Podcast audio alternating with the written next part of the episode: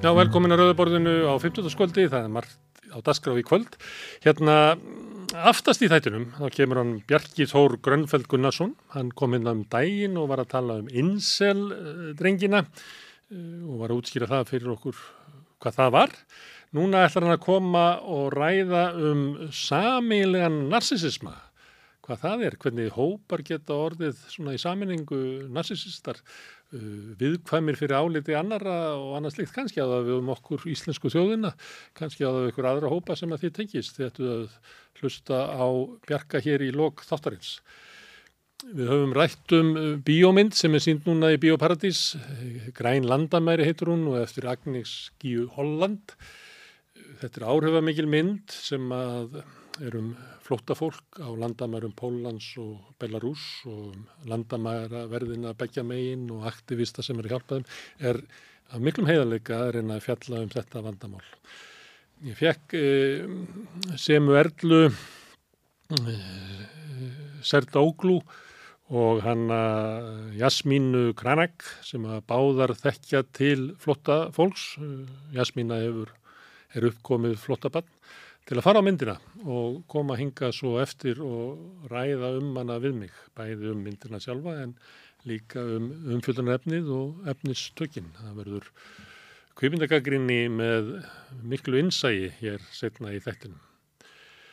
Við höfum fjallað svolítið um fátækt þessa vikuna, þetta er eiginlega svona viðka fátæktar hjá okkur, fjallað um fólks, rætt við fólk sem hefur ansakað fátækt á Íslandi og rætt við PEP sem er græsótasamtök fólks í fátækt, um, rætt við fulltrúa frá örkjabandalæginu um hvernig uh, örorka dregur fólk niður til fátæktar og líka við fulltrúa leyendasamtakana en leyendur er einn af þeim hópum sem eru útsettir fyrir fátækt En núna á eftir allar hann Otni Eir að ræða við innflytjendur.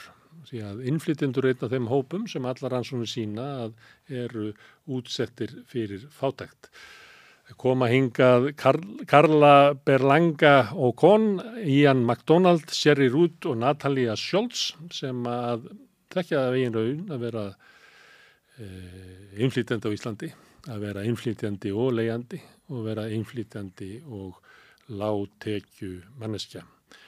Áhugavert insýn sem við fáum hér inn í heim innflytjenda á Íslandi hér á eftir. Átni Eir stýrið þeim umræðum. Evrópa er á dasgrá eða ekki á dasgrá. Það er svona eftir í hvaða stjórnmálafólk maður talar við sem við segja að það sé ekki, Evrópamálinn sé ekki á dasgrá í íslenska stjórnmála, aðri segja að svo sé sannarlega. Við ætlum kannski ekki að ræða það við þá Val Ingemandarsson, sakfræðing og Áskei Brynjar Torfarsson sem er sérfræðingur í fjármálum heldur kannski bara um stöðun á Evrópu sem að, að það er margt breyst í Evrópu á undanfjöldum árum, heimurinn hefur breyst. Evrópa kannski á miðjum tíund áratug síðustu aldar er ekki lík Evrópu í dag og enn síður kannski ef við tækjum það vonir og vendingar sem voru í Evrópu um þróun Evrópu á tíund áratugnum hafa kannski ekki alltaf gengið eftir en það hefur margt gengið á, það er stríð í Evrópu, það hefur gengið yfir heimsfaraldur, Evran hefur lendt í stórkostleiri kreppu og bara heimsmálinn eru með allt örum hætti. Við ræðum við val og áskiprinjar á eftir um ástandið á Evrópu. En áður en að við förum í viltur dagsins vil ég minna ykkur á að samstuðin er samfunnverkefni okkar sem erum að búa til efni hér og framleiða fólki sem er frammi á tökkonum og ykkar hlustenda, áorvenda og lesenda. Þið getið hjálpað okkur að byggja upp samstöðuna með að gera það áskrifundur. Þið farið þá inn á samstöðun.is, það er nappur sem ástöndur áskrift, þið ítið hann, þá getið þið skráðu ykkur fyrir 2000 krónum, ef þið viljið borga meira þá megið þið borga meira. 2000 krónur á mánuði er ekki hátt verð fyrir áskrift af vaksandi fjölmil eins og samstöðun er. Hvet alla þá sem að hafa verið á leiðinni að gera það áskrifundur lengi en ekki láta verða því núna.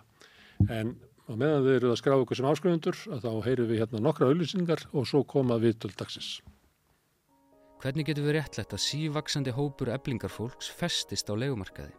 Ebling stettarfélag. Með því að ganga í leyendasamtökin stiður þú bara áttu leyenda. Leyendasamtökin eru fyrir alla þá sem vilja berjast fyrir réttlátu húsnæðiskerfi. leyendasamtökin.is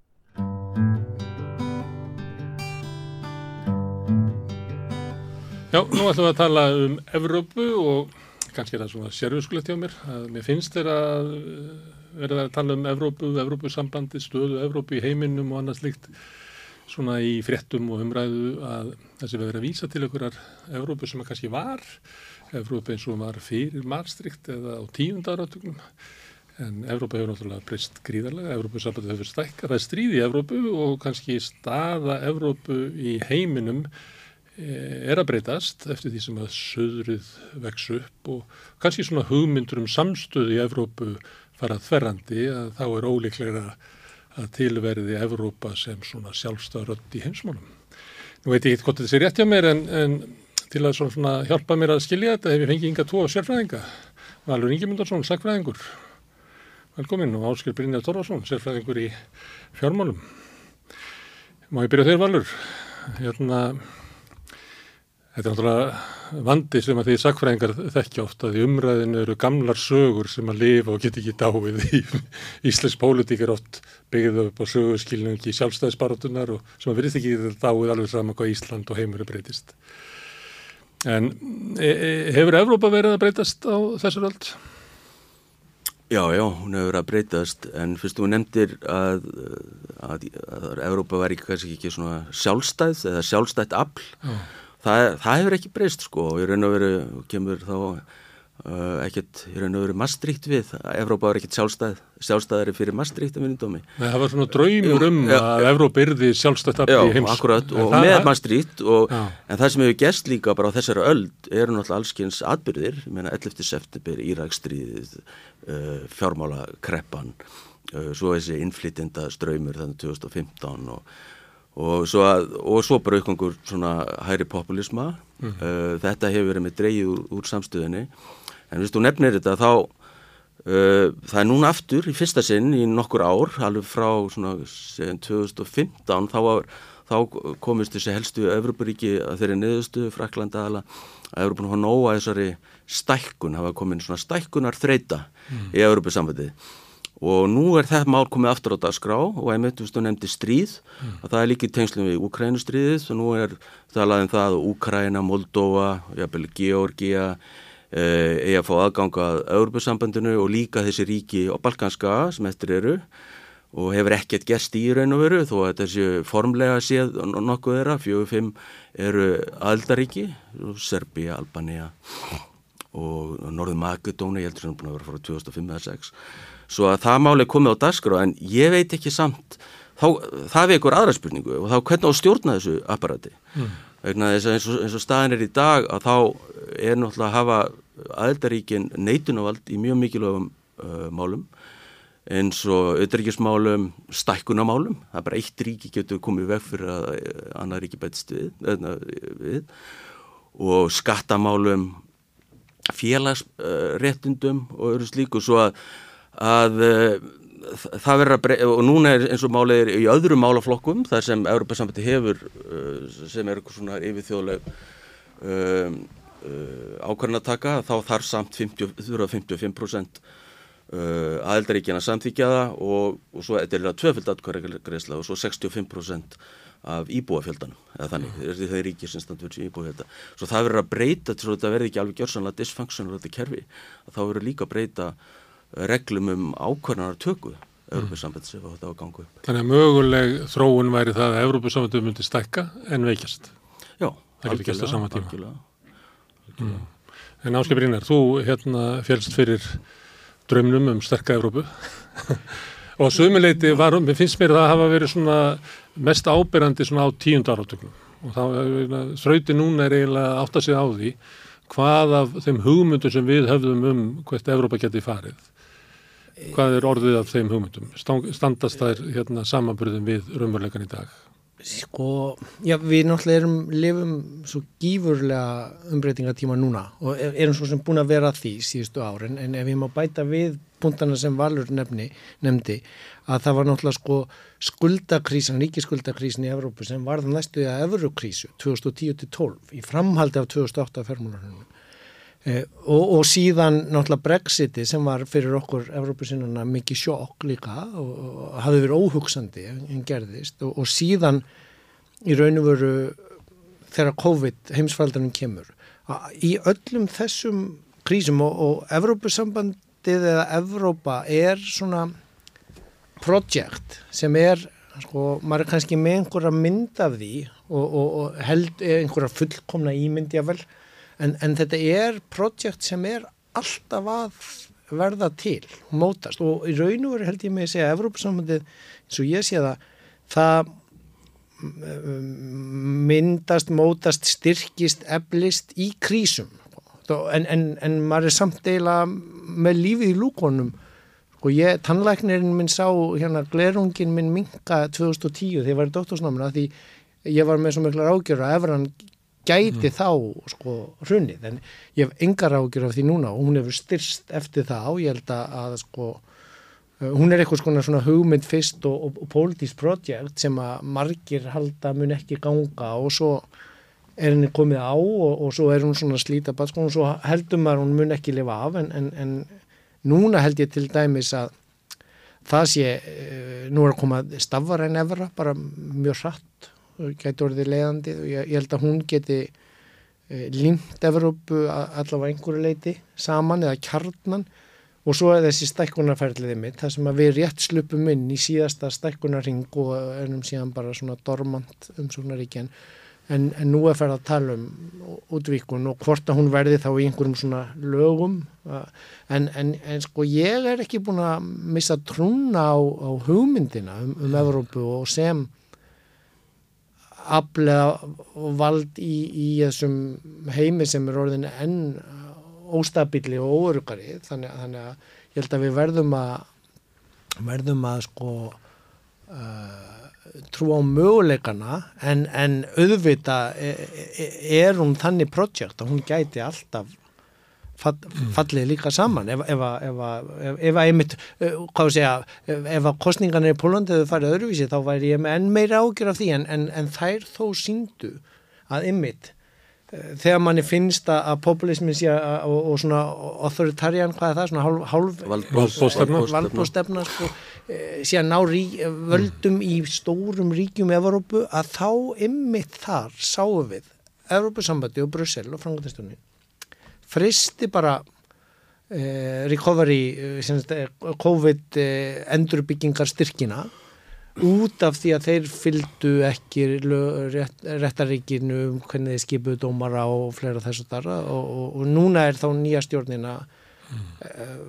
og tösk að fara að takast á við það að losa um þá fjármunni þú veist að, að þetta er Svo voru síðustu kostningarnar þar á undan voru í Slovakíu og mm. þá var ekki Europasambandið að vinna og svo getum við farið til Ítalíu, Svíþjóðar, Finnland það sem er Evrópu skeftískir flokkar eru eiginlega Al það sem sveiblar til kjósutum. Sko. Algjörlega og, og, og, en Evran er líka til umræði núna í Svíþjóð sko, mm. veist, að því að þeir eru farinir að fá efnagsþrengingar út af sinni fljótandi mynd þannig að sko ég, ég er, eh, ég er hvað maður að segja svona hæfilega skinsamlega mm. björnsinn á hún haldi áfram að svona styrkjast og eflast í gegnum vandræðin sem uppkoma en, en, en það er alls ekki sjálfgefið að það takist. En eh, kannski er vandamáli sem ég stilt upp hérna upp af því er það að á, á Íslandi hefur Evrópu um, umræða um umræðum Evrópu verið eiginlega bundin í svona með og móti Evrópu og Og það verður alltaf leiðileg umræðan til lengdar. Þeir sem eru með Evrópu draga fram alla kostina og þeir sem eru móti það draga fram allt sem er og bara og eftir er engin niðurst. Þannig að það sem ég var að vonast til að fá núna er svona hver er umverulega staðan og ef við myndum reyna að greina sérst, ólíka afstöðu innan Evrópu um þróun Evrópusafans, hvert er þetta að fara? Valur, getur þú teiknað upp svona nokkuð hópa? Já, þá er svona til að halda áfram með það sem þú vorust að segja uh, um þróunina. Þetta er alveg rétt að það kom doldum mörgum á óvart uh, það sem gerist í Pólandi. Mm. Þú veist að þessi nýjast, uh, þessi stjórn sem, sem, sem er mun taka við og hún er náttúrulega með allt aðra stefnunga hvort Európa-höldinu svo svo fyrir. Uh, svo eins og þú myndst á Gunnars Mári, sko, að það eru þarna líka uh, önnur lönd, ég menna eins og það eru, þessir hægri flokkar eru, hægri, rótöku hægri flokkar eru einmitt í uh, steða við stjórnina í Svíþjóð og líka honni stjórnina í Finnlandi. Það sem er að gerast núna til þessi Östuríki er að stæsti flokkurinn í Östuríki frelsisflokkurinn með 32% í skoðanarkonu. Það verður hérna það verður kostninga þar á næsta ári stæsti flokkurinn í Belgiu mm. er, er líka það eru líka kostið næsta ári á næsta ári svo í Hollandi svo, en, á, á móti, en á móti kemur að þessum stæstu ríkjum að eins, og, eins og Fraklandi mm. það eru ekki kostið fyrir 2027 mm. Og í, í Þískalandi 2025 mm. svo að að þar verða allavega ekki mikla breytingar þú veist fram að þeim tíma. En ég, ég er svona eins og þetta leggjit upp að þetta er mjög bara óljóst allt saman. Og svo, annar, svo er annar þáttur sem, skiptir líka máli það sem hefur gerst eftir að Úkrænu stríði skalla og þá uh, örðu samskipt með bandaríki miklu nánari aftur og þetta er bætenstjórnina það er bara mjög háð bætenstjórnini mm. þú veist að demokrata séu þetta auðveld þú veist ef að Trump kemst aftur til valda þá getur annur önnur staða komið upp eins og gerist uh, á, á, á fyrratíðanbölunu og það getur leittið þess að, að uh, samskiptin, samskipti bandaríkjana og, og, og Európa myndi vestna aftur og þá getur aftur komið þessu, þessi staða hvort að Európa myndi loksins vilja verða einhverju þriði efli mm -hmm. uh, eins og, eins og ja. margi vildu og, og upp var lagt með oft sko. sem að geti gæst eh, til dæmis eh, í ríkjónum í austrinu sem að horfa meira til Washington núna heldur en Brussel að ef að Washington vil ekkert með á hafa þá getur vel verið að þeir vænti þess að Brussel geti gert eitthvað. Það geti eld Brussel Östur-Európu, já, eða, eða Washington. Eða því að ég sé ef það verður breytingar í Washington þannig að, já, að þeir fá ekki skjóli þaðan að þá kannski myndu vilja taka þátt í vangavett og frakka um að ebla Brussel. Já, já, það getur ekki, en líka hitt að, að bandarækjum og, og Trump vildi, hald, vildi reynda hald, uh, halda einhverjum áhrifum í Európu og hvað hva sagði þið þegar Írakstriðið hófst, hvað sagði Römsveld, vartamálaróttur af bandarækjana, hvernig hvernig skipti hann Evrópu, hann skipti í gömlu og nýju Evrópu, ekki satt? Og hann taldi það Östra-Evrópu ríki var nýju Evrópa þau, uh, þau stuttu bandaríkjaman hérna, í Írastriðinu svo það er möguleik að eitthvað svona staða getur í komið upp. Að er þess að sagt, út af þessum líka af þessum hugmyndafræðilegu gildum að þessi ríki, eins og Ungverðarland og þessi populistaflokkar á Heirivang er að hafa áhrif þeir líta svo á að þetta sé eitthvað svona menningarstrið hérna í gangi mm og þar geta myndað einhver bandaríku með bandaríkja, bandaríkja replikunum í bandaríkjónum mm um það að og bara svona afturkvart til hefðbundina gilda og það, er, það sem við erum að líka sjá í Európa í dag er ákveðið svona bakslag gagvart þetta með svona grætni politík gagvart mm borgarreitnindum minnilutahópa mhm. þú veist að svona flokkar uh, þrýfast á.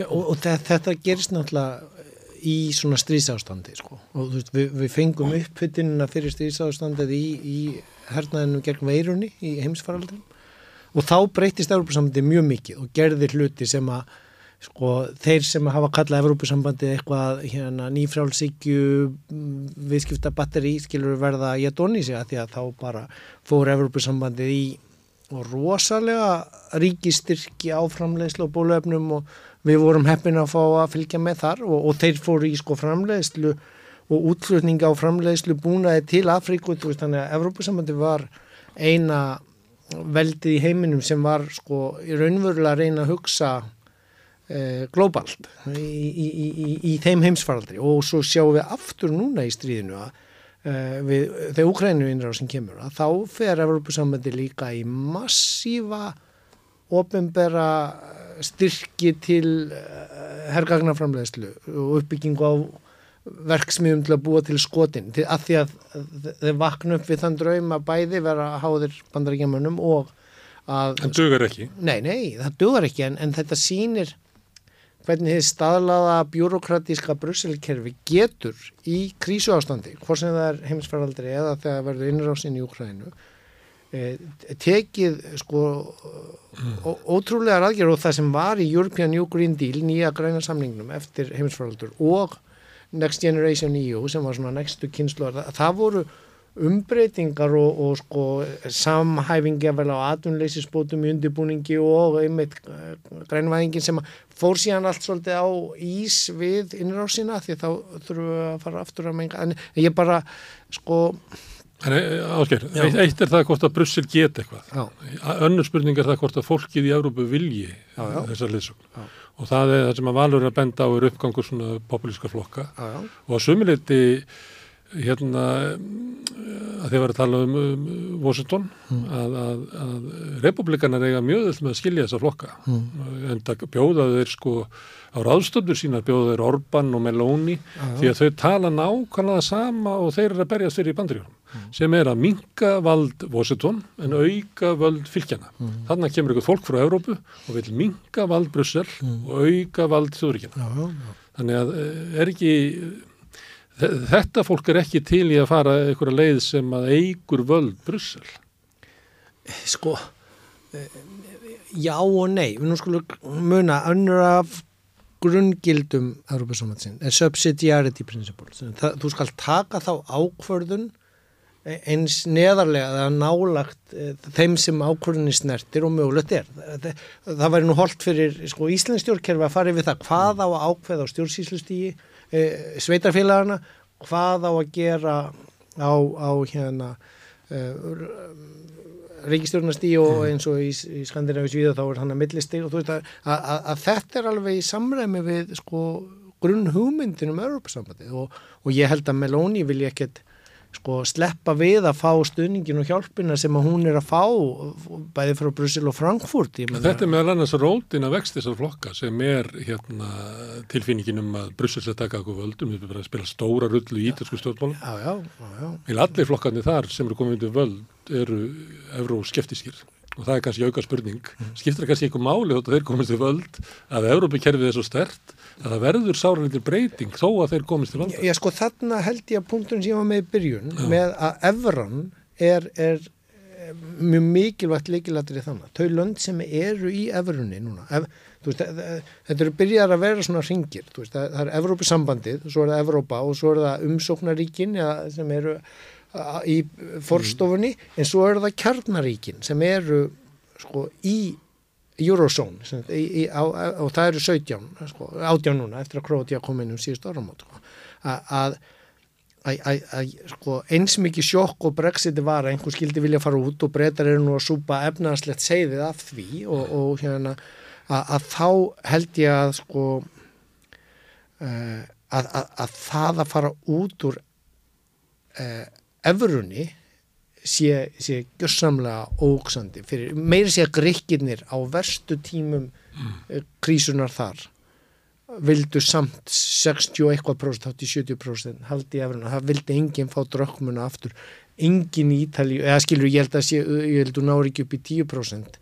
þá sem vilja fá lýruna aftur, sko, þú veist þa, það, þannig að, að sko þarna trú ég aftur líka á líðræði og þegar áreinir og eins og það sem við sáum í Pólandi sko, að já, það er hægt að komast til valda á allskins populisma eða lofa því að, hérna, borga eitt stykki landsbítalegi einhverju svo kallega leðréttingu til fólk sem, veist, það, það er hægt að kaupa sér til valda eða komast til valda á einhverjum klísjum eða svona einlýningum. Það hefur nú verið nota hér að hagsveiflan á Íslandi sé önnurinn í Evrópu og þess vegna eigum við ekki heima þú veist, og, og þess vegna fór ég nú á stað með færingar samlenginguna hér Þa, það, það, það er bara svona einhver einlína sem að ágætt verið Þannig önverulega að, að ef að populískir erróskeptíski flokkar komast til valda í Evrópu, hmm. þá mun það ekki leiða til þess að þeir fara út úr Evrópsamfélagi, ekki þeir fara út úr Evrunni.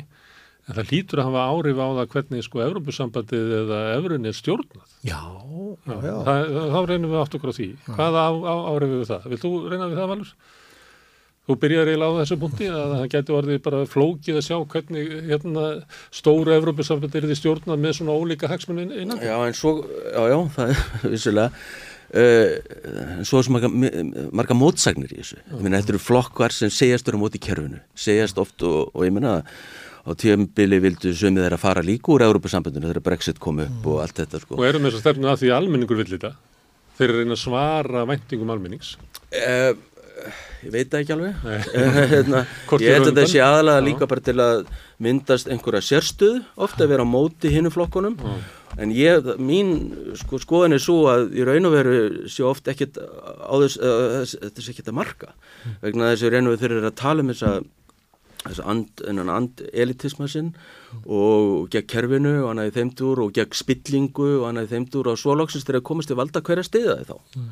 Menni, þeir færi stjórn með íhaldsflokku vennilega og ég meina sem er elita mm. uh, vennilega og, og það er ekkert vandamál fyrir þá mm. og þá vísaði bara aftur um þetta í í þú veist uh, minn menningali gildi aftur hvert er svona hefðbyndir að gild og annað þeimdur, svo þetta er ekkert vandamál fyrir það að vinna með þeim og þá hverfur líka svona orðræða um spillingu og, og eitthvað svoleiði sko, en þess að líka þeir eru ekkert, þeir eru alveg spiltur allir aðri sko, þú veist, að, svo að þetta er það verður líka líta á ekki bara hvað er að segja það verður líka þess að fylgjast með því hvað er að gera mm. þegar þau komist, eh, komist í svona stöðu. Og þeir náttúrulega alltaf, það kemur alltaf vandamáli þegar þessi flokkar komast til valda, annarkort óbind eða, eða bind að þeir eru ekki lengur fyrir utan þá verður það að bera ábyrð á, á hinn og þessu og þá náttúrulega miss, missaður oft trúveruleikan mm. svo að, að þetta er alltaf flóknara en að, að hérna, og, og ég hef bara almennt séð og líka bara allar þessari umræðu um um populism almennt sko,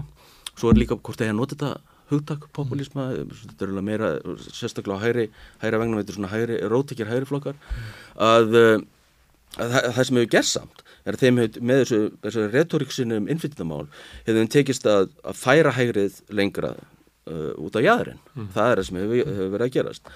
Og uh, miðju stjórnmálana já, já, hefur fæst, já, það hefur þeim tekist og til dæmis þegar núna þegar að vera að sjá einhverja spóðanakannarinnum um Európa-þingskostninga næsta, en ég meina hægri það hefur búist til hægri sveiflu þar mm. enn frekari, ég meina það er núna hægri flokkar þó þessi, um, hófsamari er í stærsti mm. flokkurinn á, á Európa-þinginu eða mm. flokka hópurinn mm.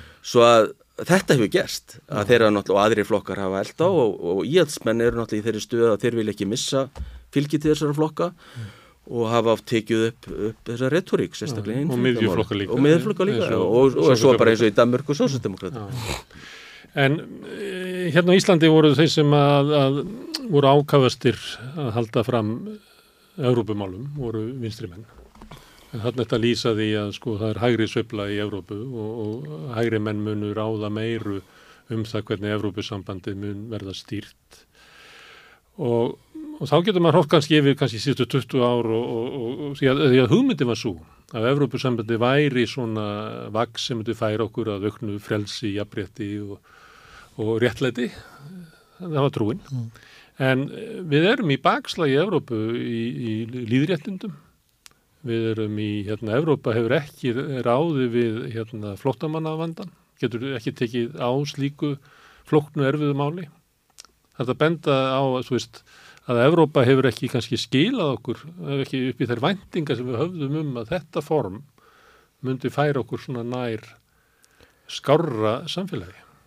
Já, sko ég veit nú alveg, Merkel uh, tók nú hana uh, viss áhættu og tók á móti miljón og, og, og sko hugsaði aðeins klíðarveruleikan ef að Evrópa samvætti hefði ekki gert það sem það gerði og hefur gert í flottumálumálum Mm.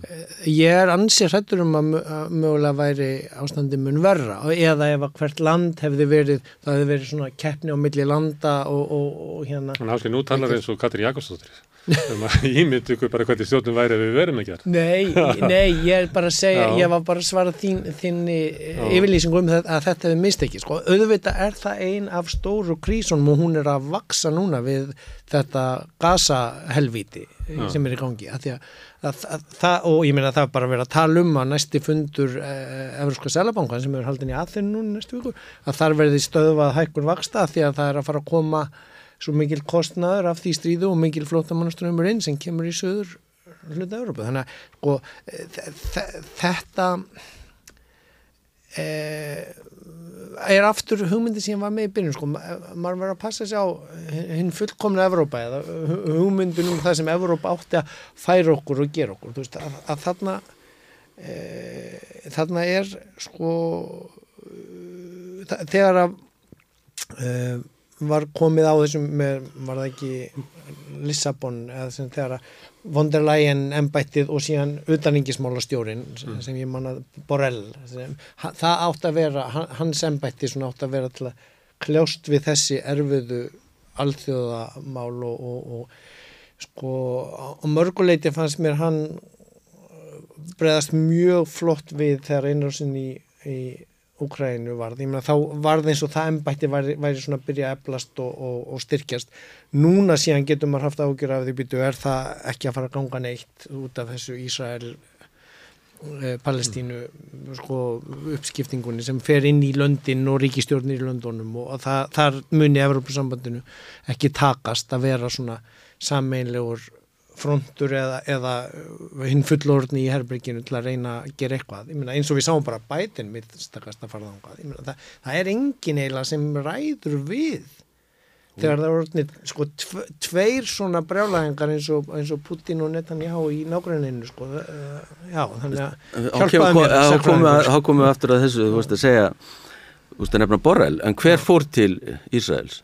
Úrsula von der Leyen. Já og hún er sem sagt fórseti hérna, frangatistjórnarinnar og þetta er ekkit hennar í raun og veru hlutverk enda vakti það ekki eitthvað mikla kottinu eh, hjá í áskrifstofu eh, hérna, utanriksmála stjórnans sko, og hún skilti að fara já, yfirlýsingar hennar hefði ekki eldst vel. Nei, nei, og bara eins og hér kom yfirlýsing frá Katrínu en ekki frá Bjarnar þegar spítalinn var sprengdur meina, veist, en allavega þetta, það sem hún segir líka það sem hún uh, og, og sérstaklega verður sem ég var að tala um já. í upphafi að auðaríkismál eru er, í raun og veru ekki uh, á forræði uh, uh frangatistofnar heldur, heldur uh, hérna, ráþæraðursins mm.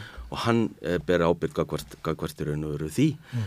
og svo að þarna kemur frá þá maður líka spyr sig þú veist að það náttúrulega var ekki, ekki Biden fór þarna og séðan Scholz mm. og það var náttúrulega mjög eðlilegt út af sögulegum uh, mm. samskiptum uh, Þýskalands og, og Ísraels en líka maður veltiði fyrir sér akkur hún fór þarna strax Já. á þess að láta neitt vita mm. og, hérna, og það hefði líka verið til að, til að þá hefði veist, meira út frá þjóðinnis mm. haugtmunum heldur en mm. heldur en uh, endilega út í þetta meldi stíla fyrir Já, þetta hefur ekkit verið sagt, rætt við, að, við, við aðra um þetta. Kanski er ég að rukka ykkur um svona hugssjón Evrópu og við viljum á tímum þar sem að sko hugssjónir er eiginlega hortnar út í stjórnum. Þannig að það er kannski meinið með þessu uppstillingu. Já, ok, þá reynir ég að taka hérna um, og þú líkir mér þá við einhvern annan hérna vonderlægin næst ef að Katrin sé að sko það, það, það sem hefur þó tekist, það var nú bara í frettum í, í gæra að hérna hann vilsingurinn sem á Twitter gamla og breyttur nafnáði, hann ætla kannski bara að loka í Európu, af því hann ennir ekki að vera að fylgja uh, persónuverndar og falsfrétta reglum Európa-samhansins mm. og þá erum við og, og ég, ég var mikill notandi Twitter en, en dró mikið úr notkunnin á því þegar hann tekur við. Og það er ekki eins þægilegt líka. En, en þarna er þarna erum við að sjá aðra ókn, alþjóðlega ókn veist, eh, stór fyrirtækjana sem ráða mjög miklu um upplýsingadreifingun okkar Európa-sambandi hefur sett já bæði það að lækka símakostnaðan okkar þegar við fyrir til Európu en líka að, að þú getur sagt upp áskriftum af, af hérna fréttabrifum og þú þurfur að samþykja og allt með kökurnar sem er að elda því.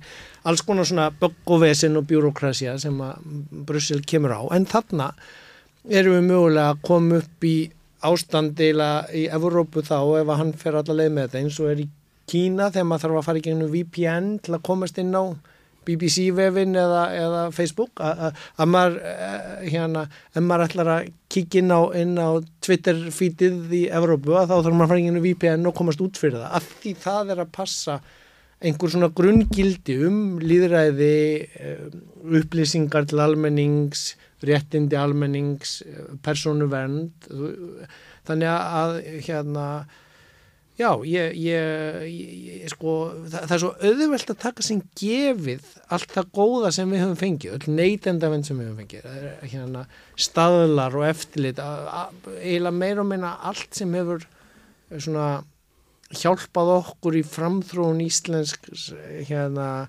uh, viðskiptuumhverfis hefur, hefur komið út af samningunum með örflefnarsveið og aðeld okkar að markanum og ég held að vegna eðlis íslenskra viðskiptáta og viðskiptalífs og, og, og að þá er svona mikil andstaða öfugt við önnur lönd úr hægrinu og viðskiptalífinu við Evrópsamöndi að því að þar eru eh, já, meira ráðandi ekki frjálsmarkaðsöfl heldur fákjefnis eh, aðilar og, og svona hérna eigendur að aðgangja auðlendum sem eru með hálf ólíkarkiska hegðun þar sé að, að þar er ókn af því frjálsræði og markaðsfrælsi og, og vernd neytenda sem Evropasamöndi kemur með. Og, og þess vegna bara þegar umsóknin var tekin hér upp fyrir tíu árum að þá voru bara fengnir, ég, meina, því, ég held að Þórður Snæra við lístir hérna hjá þér í Vitali, það var bara ákveði á nýjum eigundum morgunblæsins að berjast gegn þessu og, og hérna Styrmir Heitin Gunnarsson og, Björn Bjarnason held úti bara öflugum blokkum til að Já, við þekkjum, þekkjum innanlands átökinu með Evrópusambandið, en ég er að reyna smá skilja Evrópusambandið. mm, Þetta með, valur þetta með hugssjónin að skiptir þetta máli að, að, að sé til svona Evrópu hugssjón, mun Evrópusambandið fara lengra ef það tekst að vera með einhverja svona hugssjón eða hugmynd sem við verum að elda. En þessi, er hægt að búna til sem að spannar allt þetta svæði? Sko? Nei, þessi, þessi uh, þetta hugdagamitt, eða þetta þú ert að tala um hugsun það var akkurat fyrsta sem kom upp í hugan hérna upphafi þú veist að segja að þetta er einmitt ekki þetta er ekki sama aðdráttaraflið og, og líka árunni þegar þessi hugmynd nær einhverju flugi á sjötta áratögnu fyrst, sko, þá snýst þetta volið mikið um að koma veg fyrir stríð, ekki satt? En það er stríðið í Evrópu. Já, það er stríðið Evrópu, en, en líka, svo er þetta náttúrulega mjög mótsagnakend á sama tíma að vera saman að Evrópu, uh, þá eru, eru, nýlend, eru evrósku nýlenduveldin uh, hérna, að, að heia stríð, uh, þú veist, bara frakkar í Vietnam og, og viða í Afríku, svo að þetta, svo að þetta snýrist þá aðalega um stríð innan, eða að komið við fyrir stríð innan Evrópu, mið, uh, þess brótist ekki út millið þeirra. Uh, já, nú er stríð og en eins eins og staðin er núna þá er ekki, jú vissulega Európa hefur brúðist við og en ég meina gjörsanlega, Úkræni gjörsanlega háð bandarækjumannum um að heia þetta stríð gjörsanlega, ég meina það er alveg Og Evrópa bara, já, bara það er- eins og fylki í bandaríkjunum sko. Já, að því að það var einmitt út frá hugssjóninni um að það yrði ekki framar ha, eh, háð stríð í Evrópu, Einmitt. að þá var náttúrulega dreigið úr eðslu ofinbers fjár í herabla og hernar uppbyggingu þannig að, að, að og, og, og, og síðan var þá gefið í fyrir mm. tæpum tveimur árum þannig að, að þetta er samt sko uh, hvað hva segja það, það, við, við skulum ekki vera svegt út í Evrópusambandi fyrir að hafa ekki orði jafn mikið herrveldi og bandaríkin skilur hérna. En núna er verið að tala um að það þurfi að efla sinn herstyrk þú veist og, og samilegan herjafel og eitthvað svona ég, ég, en, en sko Það er langt í landa að verða eitthvað samstöðum það sko. Það er Já, já, Sum já. ríki sem hafa verið með þessar hugmyndir og þær hafa ekki fengið mikla vengi sko. nei, Þetta nei. tala um já, frakkar, her já, sam, já, já. þessar hugmyndir náttúrulega kom fyrst upp á sjötta áratögnum eins og við veitu og það, og það voru frakkar sjálfur sem komið veg fyrir það náttúrulega út af, út af vildi ekki að, þjóðverjar endur herfa þetta, reynda stu, en svo er þetta leist með því að, að, að fær- fór inn í NATO 55, en þetta er sama hugmynd sem, sem frakkar taka upp reglulega og aðalega það að að þessi evróski hernaðararmi verði svona eins og svona, hefði sjálfræði sem sagt, tala um strategic Laus undan autonomy. Pentagon. já, í raun og veru en, en það er eins og, eins og við erum að tala um að það er bara ekki samstaða um það. Það er, það er svo mörg ríki sem eru á móti því og sérstaklega austur Európu bara óra laung svona diplomatísk leið þá þú kemst að þessu að geta hugsað út frá þessu. En að því að þú uh, varst að tala að þetta er mó- mótað Evrópisafnið, þá var svona hugsun en svo undir er náttúrulega svona hagsmunir komum nýlendu veldana og sömulegt er þetta bara hagsmunabandalag og það er stundum uh, út af breytingu í heimsmálanum núna uh, styrkingu Suðurisins og Bryggs og eitthvað fleira og í kjölfarið af stríðinu að þá hafa komið svona rattir eins og að hérna að eh, við erum bara að koma siglinni þann tíma í alþjóðapolitikinni að eh, þú eru bara að vera með þínu nágrunum. Það er ekki, hittir ekki lengur í bóði. Þetta voru rattir sem að heyrðust bara meðal hagfræðinga, ég held að Gilvi Sóega hafi sagt þetta bara stöttu eftir Úgrænu innrásina. Mm. Getur að vera að sústa þess að komin upp að, að raunverulega Evrópu sambandið er alls konar og það er flókið og erfitt eins og skiljanlegt er en eh, við ættum bara að, að hérna, binda trúss okkar einhvern veginn við það vegna þess að þannig er heimurinn bara að breytast. Það er að verða til múrar og við erum inn að þessa mús.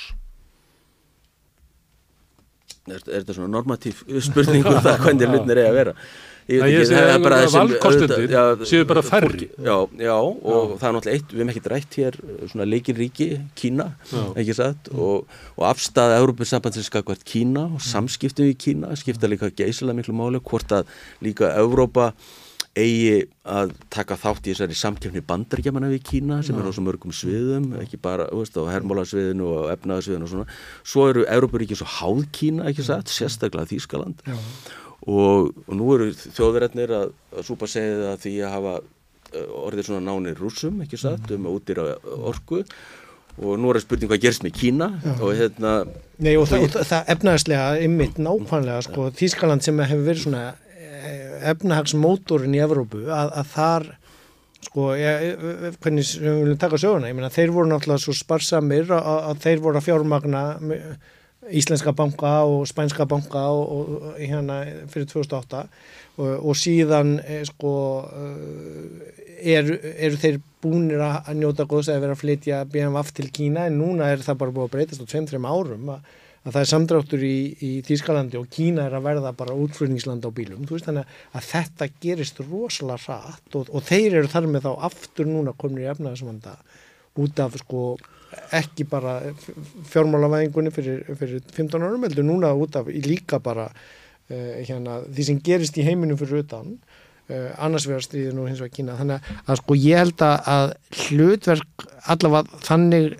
hugsaði mann og mann leið áður en þessi stríð komu og, og trubluði að, að sko að það, það var svona Evrópa hafði mjög mikilvægt hlutverki viðskipta póleringunni að vera þá þessi milli aðili til þess að bandaríkin og Kína yrði ekki, yrði ekki tveggja póla heimur að tveggja tónum tal, það er betra að hafa margpóla heim held ég sko. það er ekkit gott að hafa einpóla eitthvað og við erum lungu komin frá því að bandarækinn séu einhver leðtögi eins frálsa heims. Við höfum haft bandarækinn með Trump og eitthvað alls konar ruggli í gangi. Þannig, en, en við erum bara við veitum ekkert hvort að sko Kína fari í innrás í Tæfan þegar bandarækinn verða búin að byggja upp örgjóframleyslu heimi á sér. En Evrópsamönd er þar líka að reyna að koma á framleiðslu í, í örgjörum og í batterjum þar, mm. það er rosalega mikið verið að reyna að En hefur Þískaland og Evrópusambandið eða Evrópa e, möguleika og styrk á því að hafa sjálfstæða stefnu kakvað Kína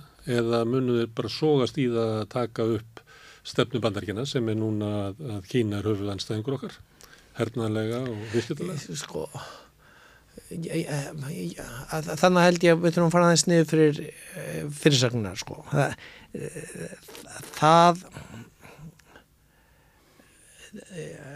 ég, ég held að Kína sé ekki endilega höfuð anstæðingur bandaríkjana sko, það, var, það var svona viðskipta stríð áður en að heimsfældurum kom og, og hérna, mm. sem að var nú búið til að hluta til út af, út af Trump en, en, en, en það er það er mjög mikil um breyting að verða á þessu viðskipta svið, þar að segja að það var svona öllu offshore, það var öllu útýst til ódýrulandana og Kína og svona en núna er bæði Kína búið að vaksa upp í 500 miljónar marka bara helmingi starri en Európa samanlega og, og sko og byggja sig upp og hægt að vera ódýrst í að framlega fyrir og, og síðan er að verða tilbaka verða að flytja homeshoring og friendshoring að, taka tilbaka framlegsluna bæði út af lærdóminum að heimsfaraldri og uh, stríðs ástandi að þú vilt hafa þína byrgja nálagt eða með örgar línur til þín og, þá sko þá held ég að aftur sammeili markaður Evrópu verði gífurlega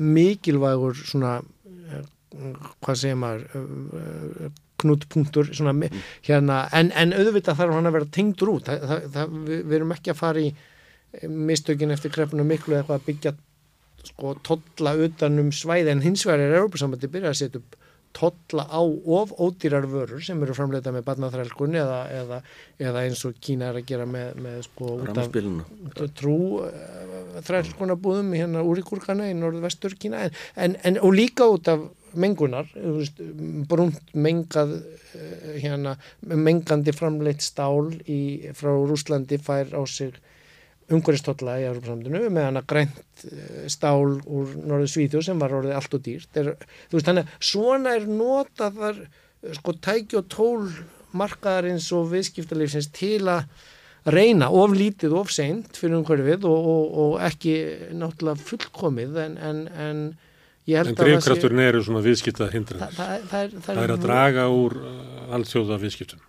Njá, þau eru að breytast, já, Þau, þau eru að breytast því að, já, það er ekki gott fyrir umhverju heldur að vera framleið allt einhversta langt í burtu eða uh, í, í einhverjum ómannsæmandi uh, aðstæðum, það er ekki gott fyrir heimabisnissin heldur, sko þú veist, það, Ég, ég var að spyrja þetta með svona næstu nágranna að því að menn voru að tala á þessum nótum sérstaklega eftir hérna, innrásinna í Ukrænu en líka ég held að Arctic Circle sem byrja núna sem er hérna ráðstöfna Ólafsson Grímssonar sem er einn af þeim á Íslandi sem við talað mest um auðarkismál og ekki alltaf í takt við íslenska auðarkistefnu en svona hans innlegg inn í stöðu Íslands í heiminum var að við ættum að vera svona, svona frjálsspilari að, styrkja tengsli við Indland og Kína sem er vaksandi ríki. Eh, er þetta eh, hafa bara atvik leyti þess að þetta er eiginlega ekki á dagskrá?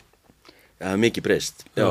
ég meina við sáum nú það þessir, þessir fríverslunarsamningurum í Kína og hvernig það var allt saman Ísland til dæmis, þessu tölum það var, það var mjög lítil andstag gag, gegn þessu, þú veist, og að tengjast á þessum tíma vildu flest ríki tengjast í Kína.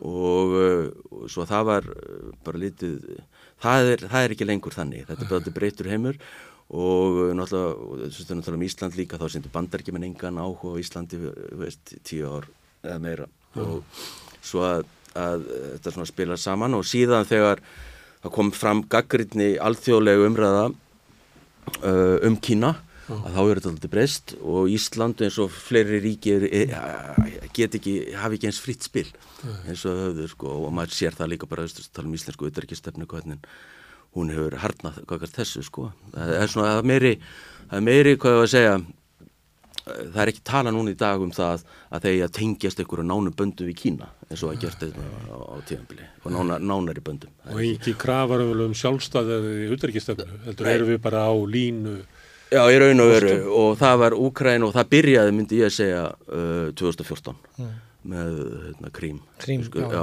það byrjaði þá, þá fór þetta svona smám saman að breyta svo heldum menn svona öllu, öllu opnu, dálítið, svo eftir Úkrænu núna uh, stríðið eftir að það hófst að þá, þá Ísland er alveg komið á þessa vestrænu lífi 100% Já, og, og sko, nú, þannig þurfum við að aftur brjóta upp hugmyndina, þú byrjaði með ga- gamla ímynda af Evrópu eitthvað svona, sko. Ég meina, Íslendinga voru rosadúlega að vesla frá Alibaba hana og svo ertu búin að kaupa einu svona ramasjól með einhverju ekki CE-mertu batteri og það er hérna ónýtt eftir einn vetur og, og, og þú getur ekki fengið vara hluti eða endur nýtta eða neitt, þú veist það, og þá hættir að kaupa það. En, en síðan, eh, sko, heimurinn er á fleiri ferð og núna eru kannski batteri frá Kína orðin þau bestu í heiminum, sko. Þú veist, þannig að, að við, við meðum ekki festast í einhverjum, einhverjum mítum eða hugmyndum, sko, en, en, en pólitík kynverja hefur líka breyst að nú eru komið bara þjóðveldislega öll til valda já, já, og, og, og, og þessi stefna um belti og braut til dæmis sem var náttúrulega þeirra aflendi vandraði með hana. Já, hún var náttúrulega hernaðar uppbygging og við getum þakka fyrir að það sé ekki einhver alþjóðleg stórskipa höfni finnafyrði í eigu belti og brautar Já, það var það sem, já, þeir ætluðu svona og líka það sem var náttúrulega gallin við þessa stefnu var þeir vildi yfirfæra svona infrastruktúr verkefni bara á alla eins og allir þyrtu samskona verkefni.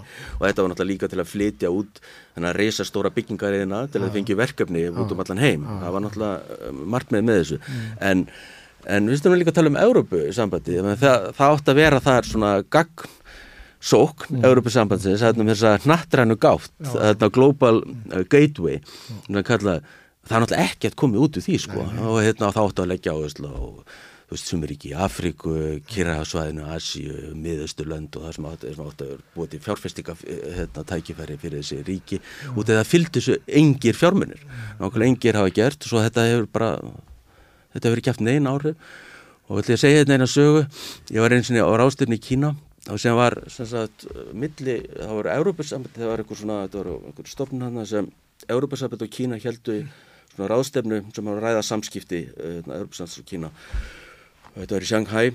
Og svo uh, á einni málstofunni var sagt að það var sem sagt mikið fjallað um stuðning kínverja, þetta var nú reyndar fyrir nokkrum árum, svona tíu árum. En hérna stuðning við með Asíu lífildu hvað verið að gera þar? Og þessi infrastruktúr stuðningur sko, jafnbröndalestir og jafnbrönda, það veist eitthvað svona byggja upp vega kerfi eitthvað svona. Og svo kom, og þetta er í sömu málstofunni og, allir þeir sem voru fulltrúa þaðan voru mjög ánæði með þetta allt saman og, og enga spurningar það var ekki að spyrja um stjórnafarið eða neitt mm. svo leiðis og svo kom, kom Európa-sambandsraföldun og þeir voru, að, þeir voru að tala um að svona good governance og hvernig þetta bara góði stjórnarhætti, engi penningar mm. og þegar maður var þarna og fylgist með þessu þá náttúrulega hver vinnur þetta þess, þennan debatt sko ha, það var svo augljóst að að það dugir ekki bara moralisera sko, þú verður að koma með ef mann ætla að vera með eitthvað svona strad, strategíska sín og áhrif á heimsvísu, þá verður að koma eitthvað peninga til að fjármanna. Svo líka eh, staða Evrópu til þess að moralisera yfir öðrum er eiginlega líklega aldrei verið veikari sko. Ég held að aldrei verið, eh, söðrið aldrei verið minna tilbúið að beigja sundir þetta, er það ekki þannig? Það er svona eh, staða Evrópu í heimsmálunum. Kanski vestrið meira kannski og líka og, Vi, Við sjáum þetta í náttúrulega veist, G7 á móti BRICS til dæmis sko, og, og það er sko náttúrulega mörg Evroparíki inn í, inn í G7 og því. Þannig að þetta er, þetta er uh, sko við, við erum á einhverju ferð það, það er einhver þróun að verða og þau eru að, búin að vera að stækka mjög mikið þessi hinn uh, þessir hinnir pólar eða, eða svona Índland og Kína er alveg efni náttúrulega sér, sér þátt sko en, en það er, e, það er e, ég held að sko mikilvægi Evrópu sé ekki búið að minga út frá talandum hugssjóninni eða það sem það stendur fyrir í, í þessum heimi sem er að teiknast upp eða verða til sko. en, en, en á hinn bóin get ég líka alveg sagt eins og mikið lefur sem ég er að, að hættan á að það falli saman eða brotni niður hefur líka öruglega sjaldan verið meiri sko, að, því, því þetta er mjög, mjög brotætt hugmynd eða hugssjón, hún, hún er ekki Það er ná samstuð sem margar ríkja Já. ekki sett og það er hans erfitt 27 og verða kannski ef þetta gengur eftir með stækkurina sem Já. ég á eftir að sjá gerast og hérna, hvað er 36 ríki? Hvernig á að komast að ákvörðanum, mm. gæða niðurstuðum um, um mikilvæga mál. En, en, en sko en, og það er önnu breyting sem að verður á Evrópu, að þegar að um, austan tjálslöndin og svona austarlega eru komin inn í Evrópusambandi þá er þá er bara svona menningarlega og valda staðan bara orðin bara að gera ólík sko að það er allt annað Evrópusamband heldur en að við sáum 1995 eða eitthvað. Já, já, já. En, en, allt annað, annað, annað dýr. Eh, já, og, og sko, og það er ekkert, það er ekkert óverlegt, eða það er ekkert að því. Veist, heimurinn er í, og það, þá skiptir máli býtu, hvað verður um Rúsland, ef við hugsaum þetta aðeins núna til framtíðas, mm. hugsaum okkur að ég get ekki hugsað um Gaza en, en sem tökum okkur að, að það verði búið Ukrænustriðið hérna og, og það verði eitthvað eitthvað skonar nýtt eh, hérna Rúsland þar. Veist, það, það, það, þarf að, það þarf að hugsa uh, hvernig við höldum áfram hvernig við endurbyggjum og, og, og þá ekki verður hann alltaf hana þessi Putin eða Netanyahu. Þannig að, að þá er mjög líklegt að allavega einhver af þessum löndum eins og ég skila vilja frekar eins og Úkræna vildi og var, var svona einhvern veginn glæpur Úkrænu fyrir einrásina að vilja halla sér ómikið til Európa-sambandsins og Európu sko, og, og þá þurfum við líka að hugsa um sko aftur kynnslöðunar skiptin sko. meina, það, það voru einhver, einhver efri, eldri kynnslöð í Breitlandi sem kaus fyrir brexitinu, yngri kynnslöðun vildi vera áfram minni eh, svona einfald einfaldar hugmyndir sem eru dæmum svona það besta ára erfarsamöðinu, um Erasmus nefndaskipti, ég meina ég bara þekki eiginlega engan á mínum aldri og fyrir neðan mig að því að ég var nú frekar sent í, í, í lokum náms míns sem hefur ekki sko verið frá einu landi og tekið mastersprófi í öðru landi og ég vil býra í þrjarlandinu sko. þannig að þetta er hinn sanna integrasjón samhæfing Evrópu út fyrir, upp fyrir uh, markaðin og sem er svona það er það sem við erum kannski að ræða hérna er að Evrópa-sambandi ná að hafa fókus á því sem er gott og hefur einst vel. Já. það er ekki gefið sko í pólitíkinni. Nei, nei, það er alls ekki gefið. Mm. það, það, og fókusin svona... í stjórnmálum Evrópu er ekki þar eiginlega á þessari öll sko. Þess vegna er ég kannski að stilla þessu upp svona að horfa svona á Evrópu eins og hún var kannski á tíund áratögnum, hugmyndur okkar um hvernig hún var. Já að heimurinn hefur bara breyst svo mikið að, að uh, fókus Európa-sambansins er annar staðar heldur en var þá sem er skiljanlegt.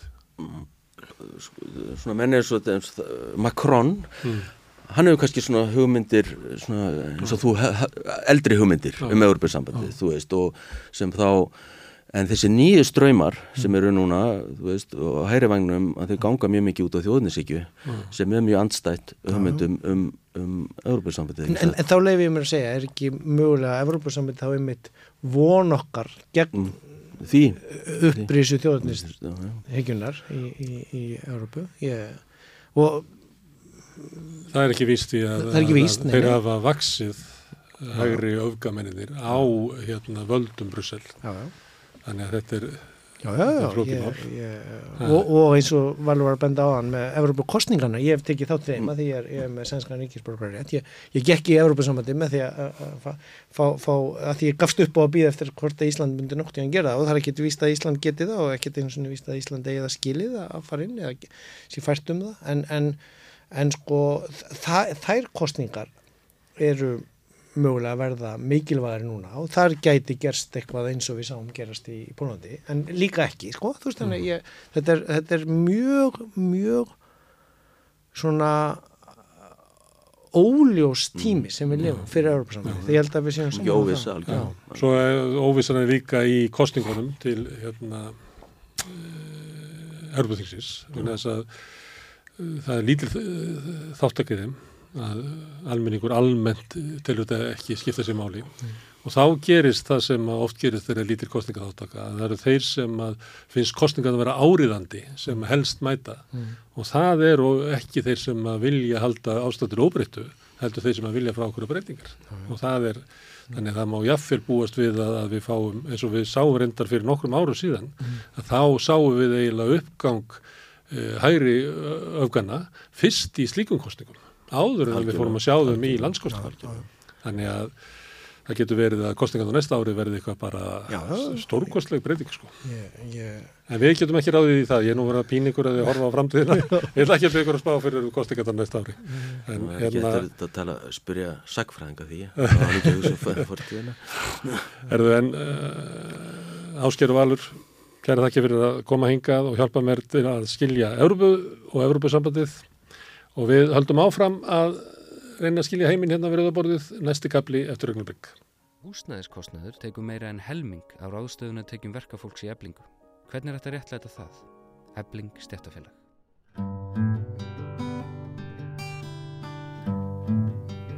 Komið sæl, verið velkomin að Rauðaborðinu, ég heiti Otni Eyr og hjá mér er uh, fríður flokkur af svoköldum innflytjandum. Maður er kannski ekki alltaf að uh, svona kalla fólk innflytjandur sem hefur búið hérna í mörg, mörg ár, uh, góður Íslendingar, en að því við erum að tala uh, núna þessi, þessa dagana mikið um stöðu innflytjanda, þá ymmit kölluðum við til ykkur, báðum við ykkur um að koma sem innflytjendur og uh, við langar að kynna ykkur. Það er Natalie Skolts, rétt búið fram, Já, frá Suðurafríku, innflytjendur frá Suðurafríku, en uh, Íslendingur í 27 ár. Og svo er það uh, Ian MacDonald uh, frá Breitlandi, búin að vera hér í 8 ár. Því næst er það Karla Baralaga Ocon Ja. frá Honduras, búin að vera hér í hvað, 24 ár? 24. Og svo er það Sherry Ruth, Sherry Ruth frá Philipseyjum og hún er búin að vera hérna í 23 Þrjú. ár. Já. Og við ætlum að tala á íslensku bara auðvitað og, og, og, en, en svo bara skellum við okkur yfir í hérna önnur tungumál svona ef, ef við þurfum á því halda og, og, og þýðum á milli. En umræðaefnið er nú þetta, þið starfið öll, uh, sumikar starfa við uh, í svona kjarabaráttu og þeir eru búin að, já, þeir eru með margþætta reynslu af íslensku kerfi og vinnumarkaði. Og mér langaði bara að spyrja ykkur fyrst hvert og eitt fyrir sig svona uh, hvað þið, hvað ykkur, finnst ykkur íslenska kerfið hafa breyst til batnaðar, finnst ykkur að vera betra núna heldur en var þegar þið komuð? Um, sem sagt hva, í því, betra í að taka á móti innflytjendum og hjálpa þeim að, að uh, finna sig og, og búa sér stað í samfélaginu að því að satt best að segja eins og við veitum skýrslur sína að ástandið hefur kannski ekki mikið breyst og að því miður eru innflytjendur enþá í þeim hópi sem eru hvað útsettastir fyrir fátækt á Íslandi. Ja. Hvað segir þú, Nathalie? Það eina sem ég sé sem við breyst er það þeir leifa fleira fólk að koma inn en svo er ekkert svona, ekkert sem grípa fólkið. Þeir, eins og flottamenn, þeir fekk svona húsnæði í eitt ár en svo eftir það þá er þetta bara hend út í almenna margað sem er grimt Já. og ég, ég vinna með kona frá Ukraina og sem, flott, sem flotta kona og það var bara svo mikið stress hvað er henni svo mikið stress þegar Alma kefti blokk sem hún var bjóð í Mm.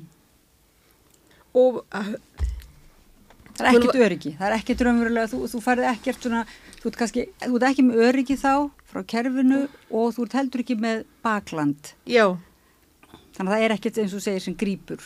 já og ég meina þegar stu, þegar fær stuðningu frá uh, Garðabær eftir hún var þa þarna. En samt hún var bara að vinna bara alla stundir til að geta sér fyrir sig og fjölskylda Mm. af því hún var eina sem er útívinnandi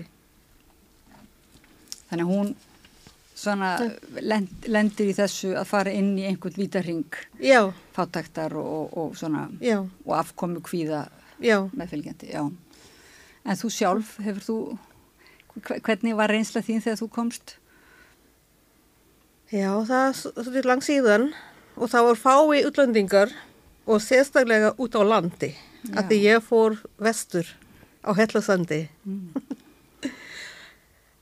og já, þá var þetta bara eins og þegar fólk séð því þá var þetta bara svona eins og, ég veit ekki aldrei séð svart manniska eða eitthvað en svo það hefur breyst að því nú bara maður fyrir út í á leiguvegur þá bara séum við alls skona fólk núna.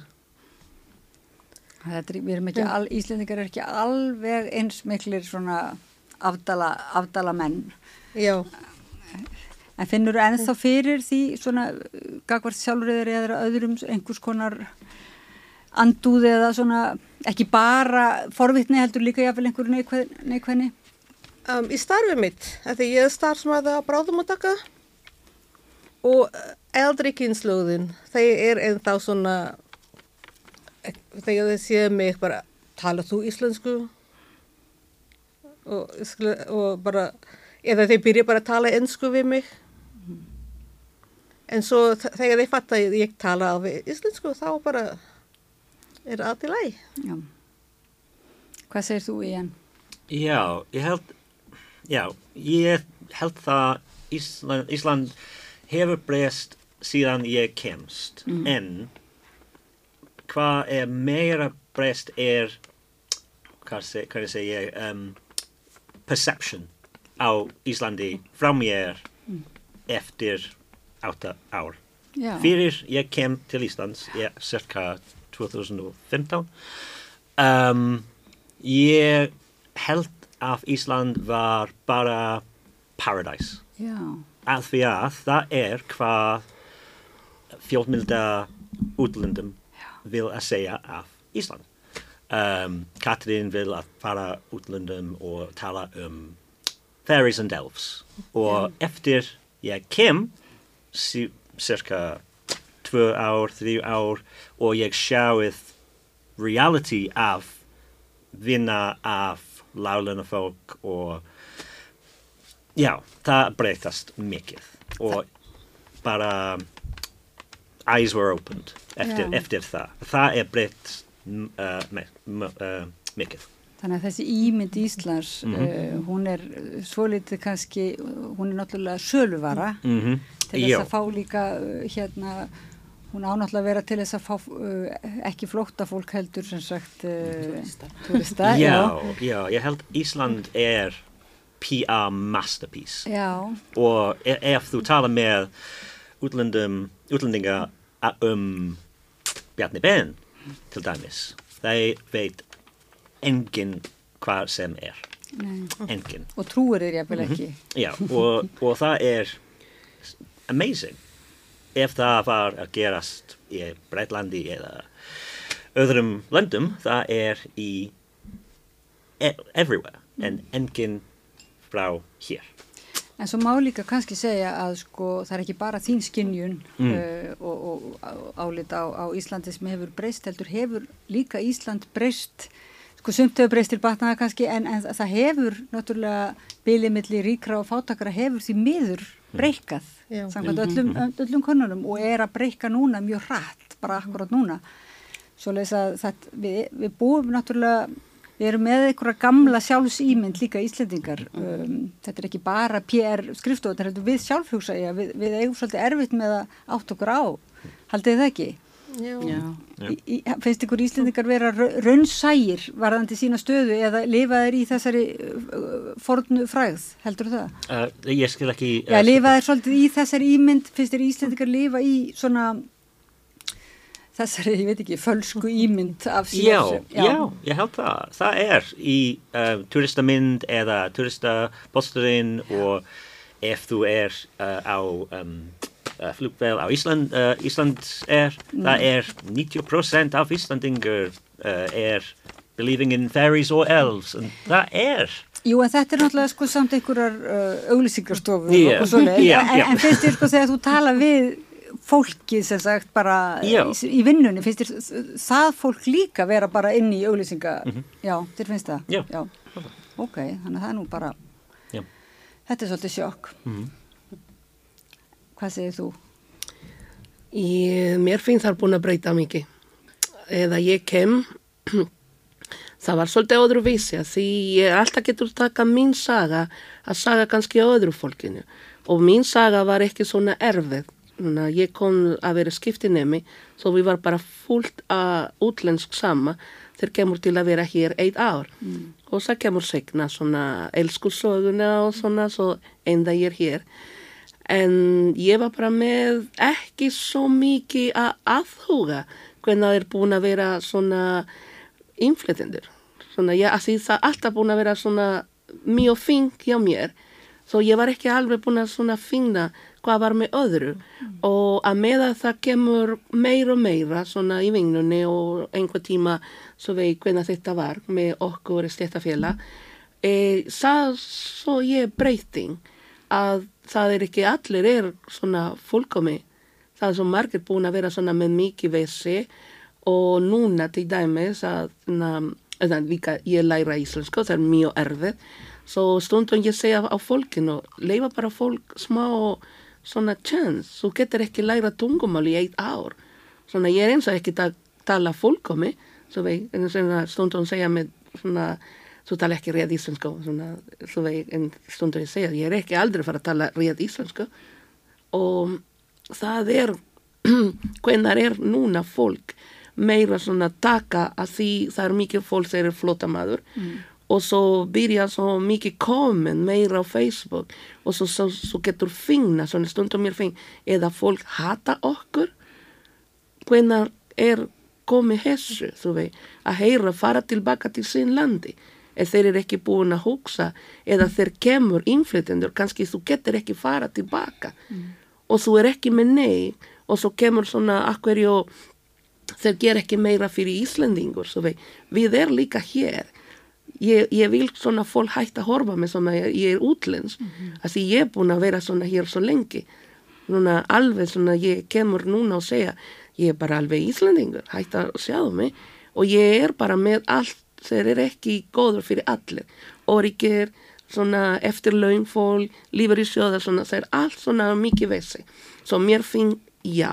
Eða ég taka núna tilbaka alls þessi 24 ár það búin að breyta svo mikið allt og mikið.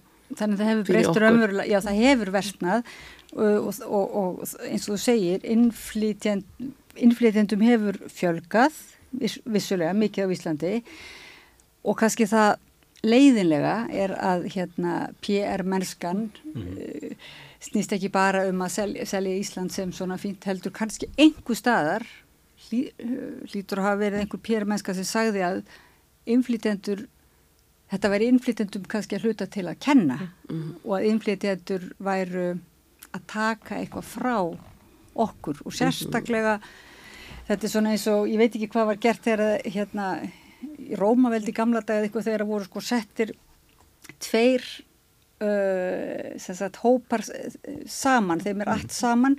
Þetta er svona eins og þeir sem hafa það verst á Íslandi eru kannski að berjast fyrir lífið sinu mm. og berjast við fátaktina sko að uh, einhverstaðar hefur komið þessi hugmyndum að þeir séu að berjast við innflytjendur er þetta ekki svo litið órettlátt hugmynd. Jú. Já, en ég er alltaf með langar að segja svona fólk sem koma hinga, sem langar bara að koma að vinna. Stundum eða þú leifa þeir svona, ok, þú getur bara að vera á Ísland eitt ár, tó ár og stundum þú heyra í fréttinar að þeir vera að senda tilbaka fólk sem er búin að vera fing ár. Svo er alltaf að hugsa, að hverju? Að hverju þú getur koma bara fing ár, búin að taka og vera svona með lífi hér eða með barn, í svona með vinir og alltaf tilbaka, ég er svona að nota orð henda, mm. að því mér finnst það eða það var búin að lega eina flúvel einhver tíma bara til að gera þessa með þessi fjölskylda vei, en ég er bara svona stundum í sjokk hvena kemur þetta, að hverju kemur við að þessi staður mm -hmm. og svo kemur svona, allir þeir eru í svona alþingi, mm. staður til að við finna svona meira svona að vera svona sama með útlens, það er meira svona á móti okkur. Mm. og svo húnna, hvað, hvað við getur geri.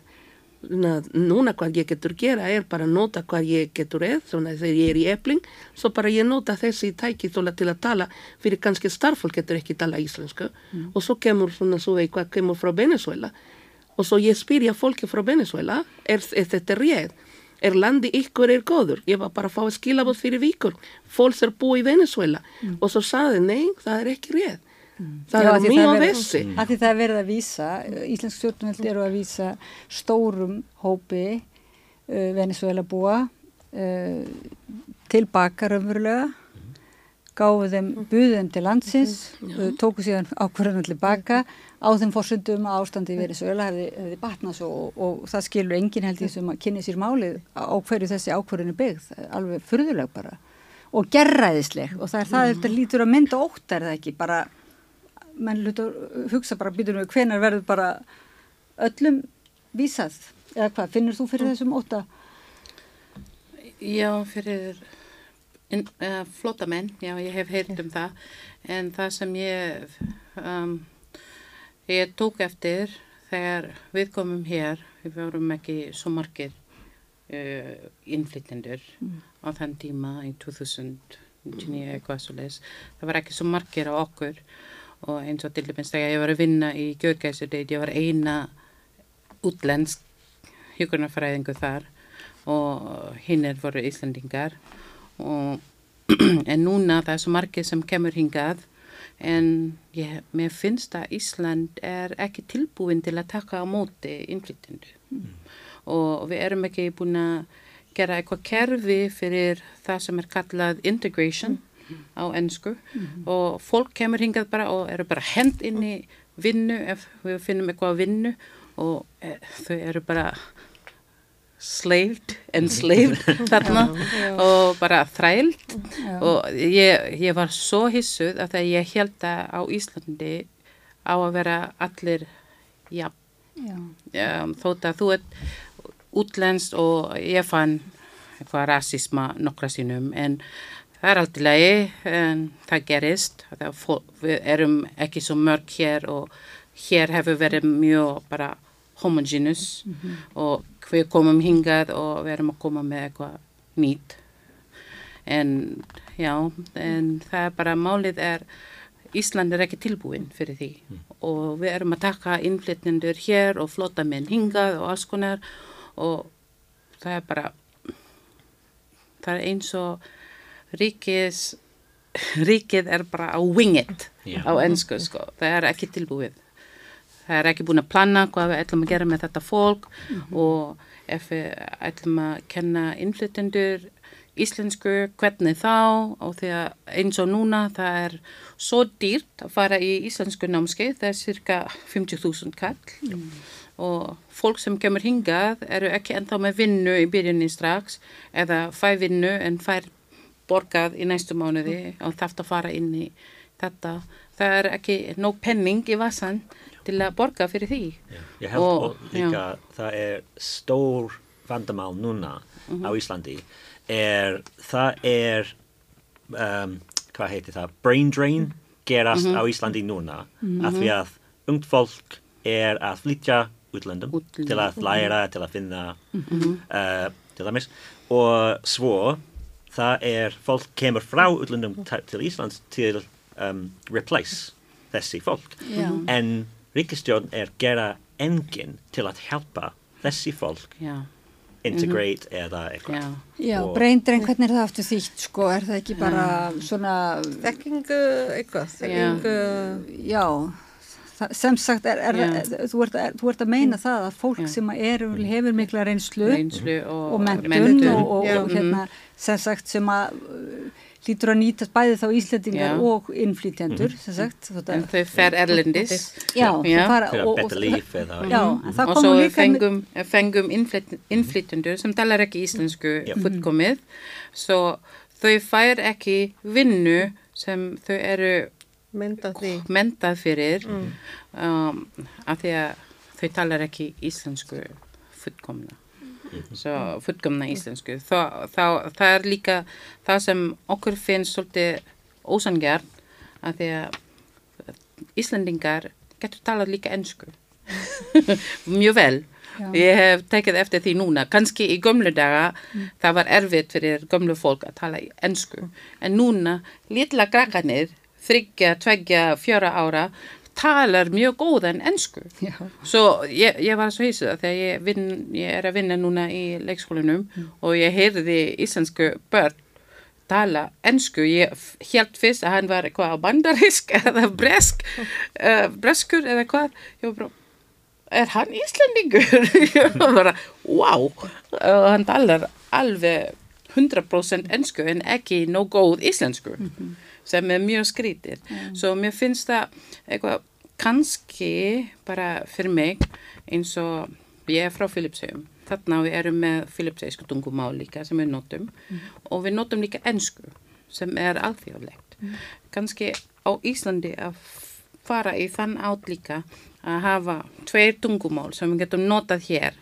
Svo fólk sem kemur frá Erlendis getur notað þekkingu sína og reynslu sína í vinnu eða eitthvað stað sem þau eru hæft fyrir. Mm -hmm. Þegar núna það er ekki búin að nota þetta fólk sem eru mentuð og með miklu, miklu reynslu bara út af því að þau talar ekki 100% íslensku eða eru ekki með íslensk nöfn. Já, en svo hefur Það líka. ég, ég talaði við konu gær sem að lærði íslensku Já. síðan en fekk samt ekki stöðuna sem hann talaði um vegna þess að þá voru einhverju aðrar hindranir í veginum.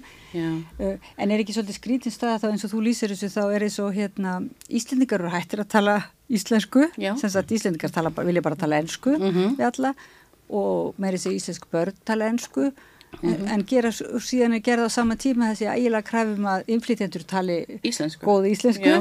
þetta er svolítið skrítið og, og samt engin, ekki beinlínis stuðningur eða kvartning Mm í kerfinu. Já, það er málið líka. Það er ekki neitt í kerfinu sem aðstöra fólk, aðstöra fólk til að læra íslensku og það er mjög dýrt fyrir fólk að læra íslensku. Já, og það er, það er um, perception af Mhm. innflytjendur.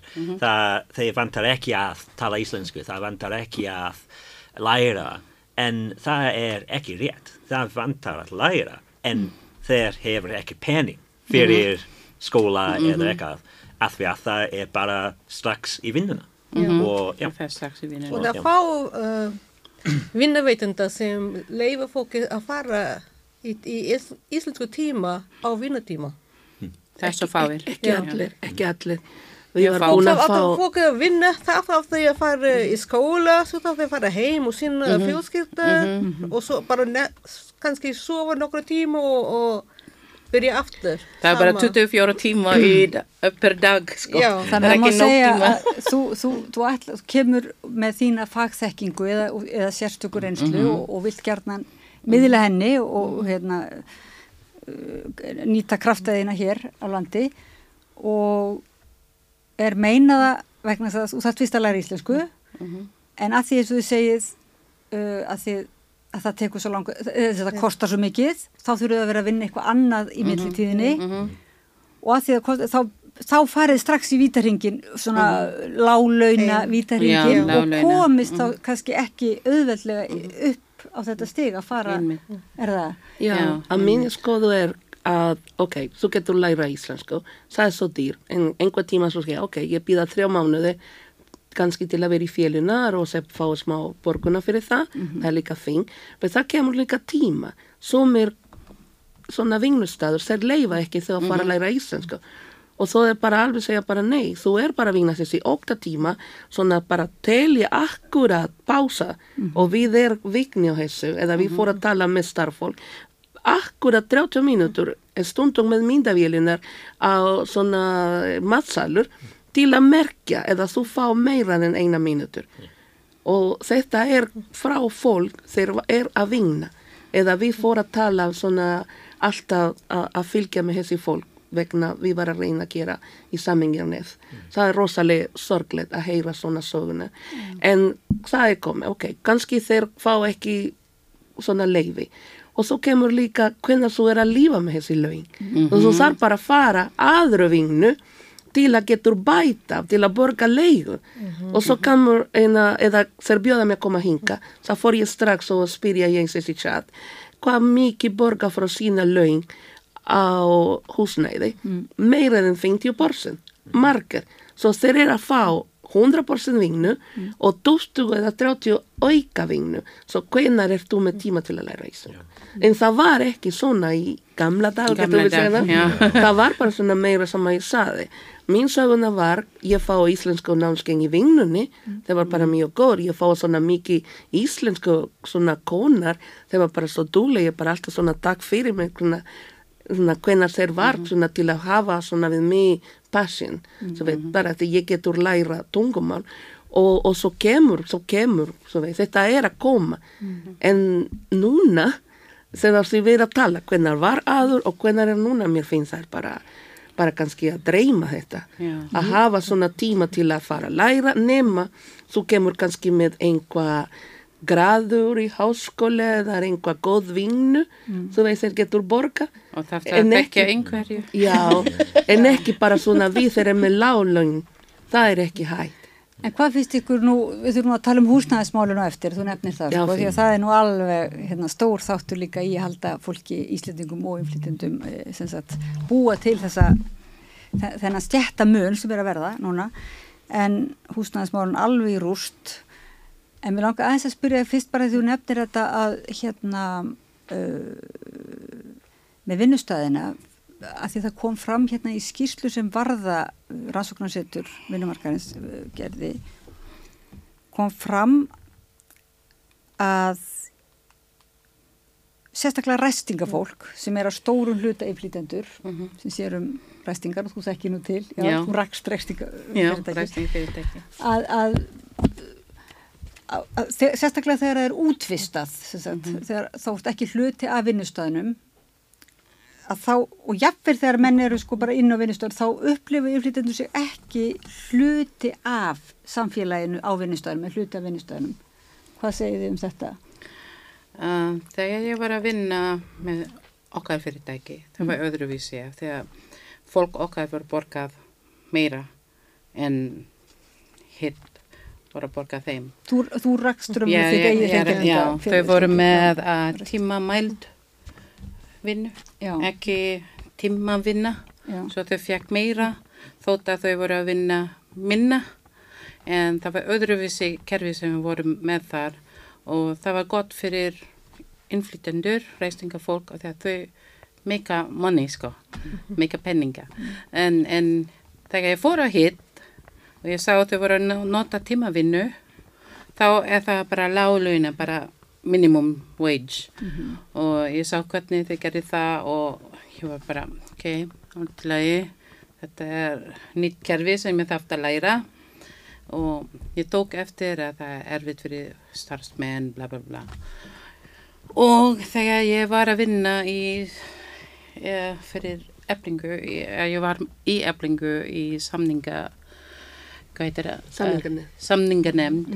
Þegar við vorum í samninganemnd, ég var svo hissuð að sjá á fólk sem eru að vinna í ræstingu í, á hótelum.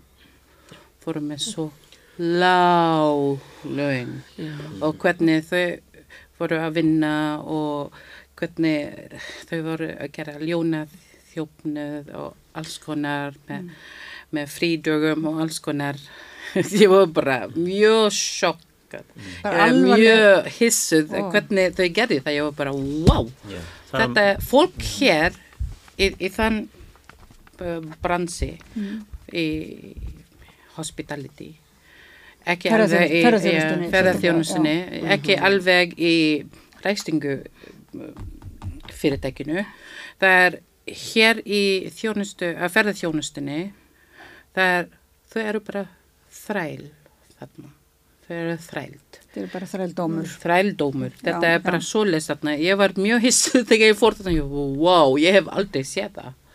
Að því að þótt að ég var að vinna í reysingu, reysinga fyrirtækjum það er öðruvísið þarna. Það var betra ágömlu sem ég var í og svo aðeins vera á hinn en samt nóg gott. En þegar ég fór þarna ég var bara hvernig lífa fólk af þessum launum? Ég var bara wow ég trúi því ekki. Ég var bara í alveg sjokki sko. Ég var bara wow. Ég hef aldrei séð það. Og það var ástæði að ég var svolítið aktív í þetta hjá eblingu og það ég sá hvernig fólkið voru þrældar. Uh, ég bara Af því að Það er náttúrulega margir sem kannski geta ekki svara fyrir Já, sig. ég getur ekki svara fyrir sig af því að þau talar ekki ennsku, þau talar ekki íslensku, þetta voru fólk sem voru um, uh, flotta menn. Yeah, frá. Uh, já, já. frá Ukraínu og líka frá eitthvað í. Suður Ameríku Já. sem talar ekki uh, ennsku eh, eða íslensku, bara spænsku. Og hinn er frá eitthvað öðrum löndum sem eru málaus sem við getum sagt hér, eh, þú veist eh, en ég, þetta var fyrsta skipti að ég sá the ugly side. Mm. ljóta hlið af Íslandi. Ég var bara, ég trúi því ekki. Að það er til hér. Já. ég var bara, wow, á Íslandi það sem við erum alltaf svo stolt að allir eru hjálp hér. En það er ekki rétt og það er ekki satt. Og þetta þarf náttúrulega að tala meir um því að er það ekki og, og fylgja því eftir og fylgjast með því til þess að sé hægt að refsa því þetta eru þetta eru svo kvöldu vinnumarkaðsbrot Mhm. og Þetta þetta er launa. Já. En þarna kemur svona, því fólk sem hún var að segja, Cherry, þeir tala ekki ensku, svo þeir tala ekki íslensku auðvitað og svo hvað kemur þessi fólk?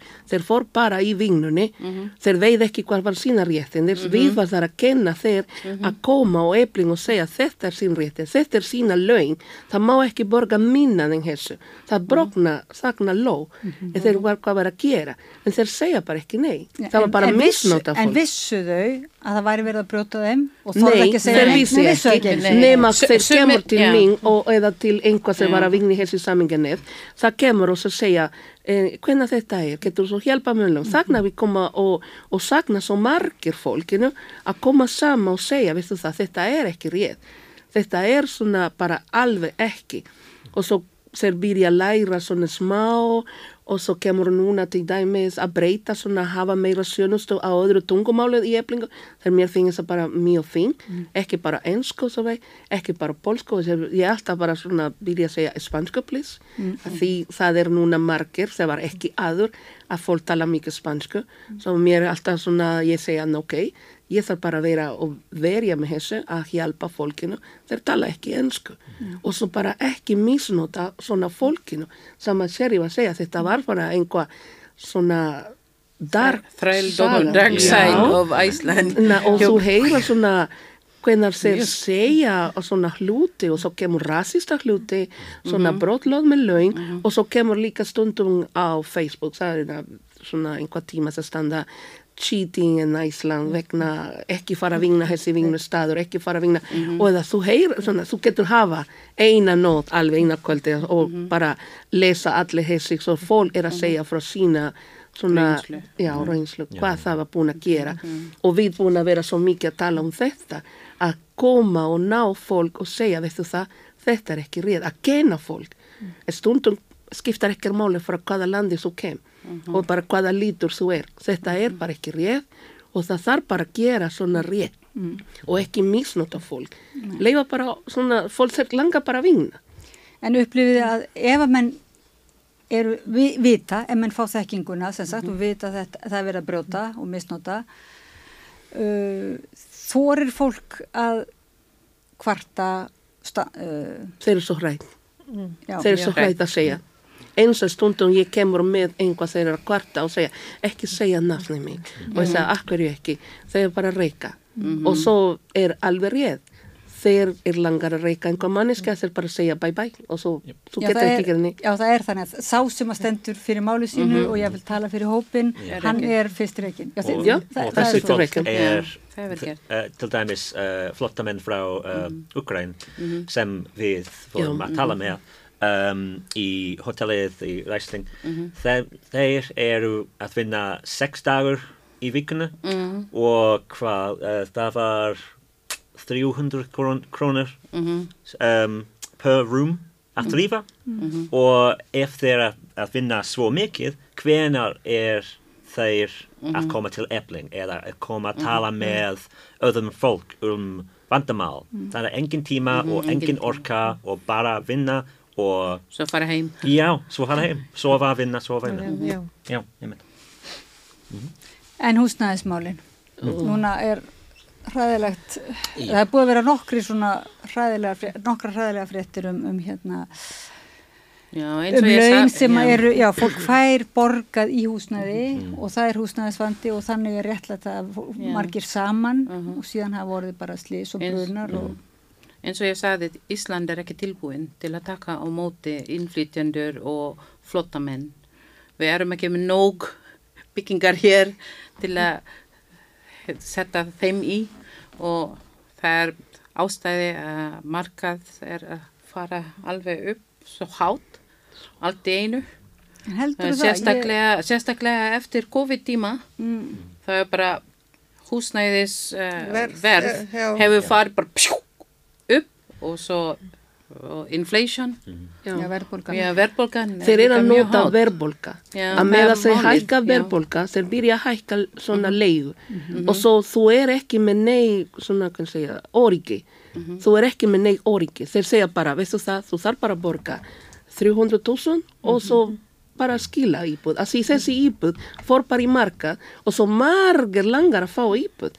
Svo þau far bara svona, þú getur ekki gera nei og svo þessi fólk það þarf að gera hvað 300.000 krónar á leigu að með að þeir eru með 300.000 krónar í laun svo þeir er bara svona að vinna tvofald eða stundum ég er alltaf að hugsa svona eða þeir eru að tala að okkur laun gera verðbólka hátt og þess að hvaða eftir laun við erum með til að fara og, og gera þetta bara hvað þeir að tala? Sem fólk er bara alveg nóg til að lífa svo veit Já, það, er- það er verið að tala um núna nýr fjármálráðherra nefndi það að það væri launahækkunum að kenna að, að það væri verðbólka að væri ástand og þetta er náttúrulega svona- svo óbáslega ósvífni og, og Þetta er en þess vegna verið ég að hugsa um það sem þú sagðir að Íslandi er ekki tilbúið að því það er ekki nóg húsnæði. Um, ég, veit, ég, ekki, ég veit það ekki sko. Já. en er það ekki líka bara kannski hugarfarið þá? Það gæti verið líka en ég held það er ekki nóg húsnæði af því að Það- það bara- það er svo margir sem kemur inn frá Östur-Evrópu, Já. það er svo margir sem getur komið inn bara hvernig sem er og núna kemur flotta menn, meira flotta menn inn og við erum ekki tilbúin. Já. Það er ekki búin að byggja nóg húsnæði og það er ekki til eitthvað góðan húsnæði fyrir hinnum. Þá ég hef séð fólk að eins og gerðist núna að þessi brúna dæmi Mm. gæti verið að fólk voru bara inn í hvað heitir það uh, voru hús að búa þarna.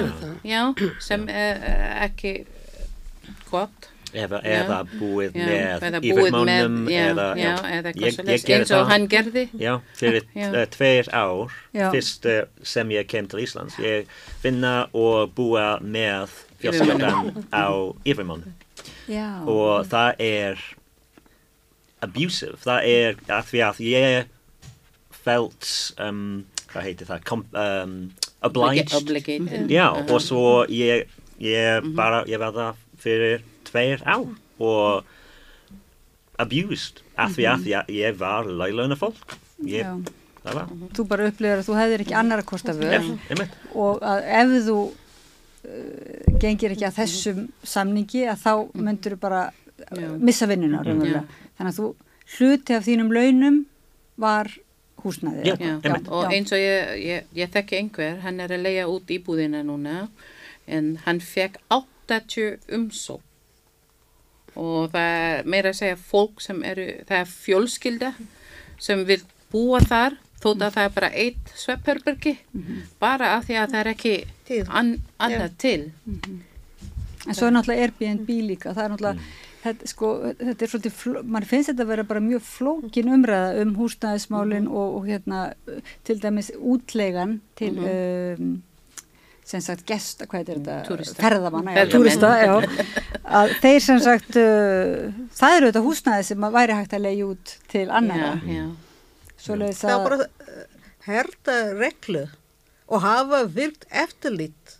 já, já, að með húsnæðin. Já, og með þessi Airbnb til að koma í veg fyrir að það fólki bara setja upp með fleiri íbúðar tómt en já, en fólk sem búa hér finn ekki húsnæði, við eigandi húsnæði.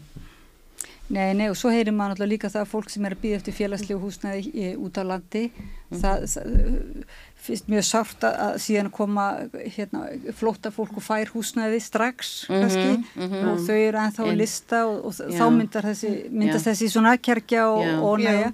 En- er líka, En þessi fólk, það er líka um, satt flotta fólki, þeir fæ líka bara, það er bara tímabundið Mm. sem þeir fær þessi húsnæði. Að meða þeir eru að býða eftir leifi til að vera svona á Íslandi. Já. en, en það kemur bara aftur að- eða þú fá kannski eitt ár en strax eða þú búin að fá leifi þá bara ok, bye bye. Og mér finnst það eftir lægir, ok, eða fólk fá vinnu. Og sagna er svona erfið að finna vinnu því þú tala ekki íslensk mm. svo alltaf þetta kemur svo við sama. Og svo kemur fólk og segja, wow, við þarfum að borga þessi.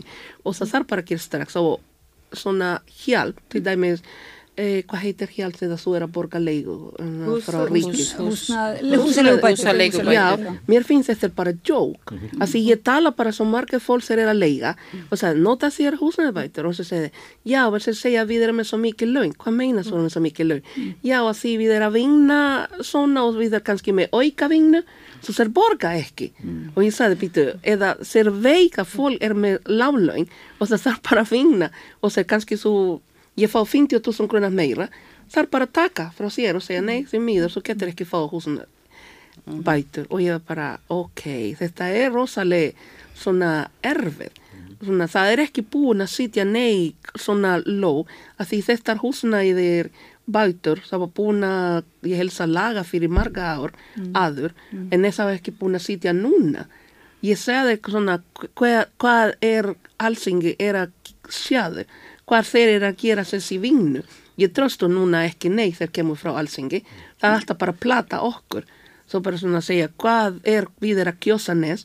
Svo bara ég segja bara allir Íslandingur hugsa betur en ekki kjósa fyrir sama svona flokkur, hugsa betur að því alltaf er að svindla því mér fann einhver tíma sem segja mig Ísland er best í heimi. Já, já, því það svindla fólkinu og, og svo hvernig þeir eru að gera með okkur þeir, og, og ekki bara svona kannski innflytjendur, ég er að tala bara allir, ekki fá líka þeir eru að hækka laun en nei, þeir eru ekki að hækka hús, húsnæði líka. Og svo kemur aftur svona, allt er bara svo svona, ég tröstu ekki lengur að hvað, hvað kemur næst Nei, sérstaklega ekki í þegar er stór hópur innflytjenda og margra annar Íslendinga sem að hérna fá þau skilabóð að, að, að verðbólgan og, og, og hérna, krísa núna sé þeim að kenna Já. þeirra, þeirra hérna, kjarabaráttu og þannig að þau megi ekki fara í frekar í kjarabaráttu. Þetta er náttúrulega rosalega, þá finnum maður ekki fyrir að þetta sé Já. okkar málsvarar. Já, Sko. en það var búin að gleyma að segja þeim að það er fyrsta, það er record high profits Já. núna, eitthvað, hvað var það? Sjö- 7%? Já, ég held það. Já, something like that. Já. Hvað hva, hva var Uh, það? bara, já. Já, um, já. Já, Um, just profits overall. profits overall, uh, já, já. fyrir fyrirtækjum. Já, já, já. Já. Já, þannig, já, þannig að fyrirtæki eru að græða. Já, Já, mikið. En til Já. dæmis um, um húsnæðismál, um, ég núna er svo hefni að því að við, ég og kærasta minn kefti íbúð síðasta ár og við gerum allt sem ég var að segja og það var í, nýja bygging, bygging íbúð fyrir fyrsta kaupendur og við tók um, hlutadalán og við setti bæði um, seriðisbarnur inn í húsnæðislán til gera allt. Og með það þessi ár mm. húsnæðislán hækkað af meira en 100.000 krónar í mánuði. Og svo við erum hefni, við hef ekki barnið, uh, ekki commitments, ekki svo mikið og tveir laun, það er allt í lagi. En ef ég var bara sjálfur pff, ég veit ekki. Ég líklega vil að fara aftur Já. til Breitlandi Já, húsnæðislánin mitt líka hækkaði eitthvað 50.000 eitthvað meira strax bara í nokkra mánuði. Ég voru, wow, hvað gerðist? Svo er Íslendingar sko alls ekki tilbúinir til þess að fyrstulega njóta, njóta allra sem sagt hvað þetta er raunverulega óbáslegt einmitt uh, auður, mannauður. Og, og að Mannauður, við já. þurfum á þessu mannauði raunverulega að hald- halda, sem sagt, uh, innflytjendum og, og mjög margar hagfræðskýrslu sem sína fram á raunverulega hvaða er jákvætt fyrir Ísland Já. og, og Ísland er tilbúið hagfræðilega séð og allt er, er tilbúið og, og bara spurningum að finna út því sko, en, en hugafarslega ekki tilbúið því að margir segja þegar einhver er að segja ef einhver er að kvarta akkur ferði ekki bara aftur heim. akkur ferði ekki bara aftur heim Já, En þau gleymir að þetta er heima okkar núna. Já. já, já. en, og þið fáið að heyra svona og, og, Það meira svona þegar kemur til dæmis einhvað í fréttinar með flótamenn eða til dæmis með innflytjendur. Það meira flótamenn núna, það er innflytjendur, ég held það. Og svo kemur svona, akkur er það getur fara tilbaka? Farðu bara heim. Akkur þeir eru ekki að gera svona svona nót empati með fólkinu. Það er bara alltaf kemur eitthvað svona fólk er reið. En taka ekki þessi reið með svona útlendingur. Við erum hér líka svona, við borgar skatta. Já, Ég er alltaf að segja fólkinu, veistu það hvað ég segja fólkinu, þeir skilja hvað þetta, akkur eru þeir borga svo mikið skatta. Að því það kemur, já, wow, svo getur fá svona miljón krónað í laun og svo taka 250.000 skatta. Ég, ég er ekki að djóka, það er bara alveg rétt. Og þess að þú þarf að borga leigu til að vera á Ísland. Þetta er það. Þessi skatta er einhver leigu á Miljón, það er, 40, fjö- það er 400.000 sem þú þarft að borga í skatta. Það er aðra leigu, leigu til að vera í Ísland, það er ekki við er frí til að vera hér. Svo eða þeir eru að byrja að tala svona útlendingar taka allt, svona flótamenn er að taka allt. Það er líka það þeir fá vinnu, þeir byrja að borga tilbaka. Og þetta er að koma svona aftur og aftur. hvernig er hægt eiginlega að breyta þessu þetta fyrir allt í eitt gröð sko, pyrringurinn uh, yfir hérna, túristunum í miðbænum og Airbnb-inu, svo er það sem sagt, innflytjendur sem er búin að vera hérna í mörg ár og er búin að vera, og svo er það flótta, þetta fyrir veginn allt í eitt gröð og, og fyrir greinilega yfir í eitthvað neikvætt Stundum Hvað ég finn bara hvernig að segja fréttinar. Til dæmis þú þarf ekki að segja fréttir alveg svona eitthvað það er ekki satt. Sama ég saði til þín aður eða ég er að koma að tala hér. Mér langar bara að segja akkurat hvað er og hvað er, svona ég er ekki að fara að tala einhvað svona, það er ekki rétt. Fólk getur að spyrja mig, hvernig við þú þetta? Við var viknið á þessu. Hvernig veið þú um þessi söguna? Ég er með fullt af söguna og fólkinu þegar ég er búin að vera á hjálpa vegna ég svona nota mín tíma stundum til að hjálpa með tólka svona, og stundum þeir eru svolítið feiming og ég segja neina ekki vera feiming segja mig bara ég getur gera. Og svo, svo fór aftur ló svona alltaf bara vera vignurréttindir hvað er rétt og hvað er ekki rétt. En eða þeir reyka fólkinu til dæmis þeir var búin að reyka svo margir fólki þeir vigna í ræstingur í ótel bara til að breyta stefnafélag og svo er engin nei fréttir á þessu engin, ég sé það bara ekki.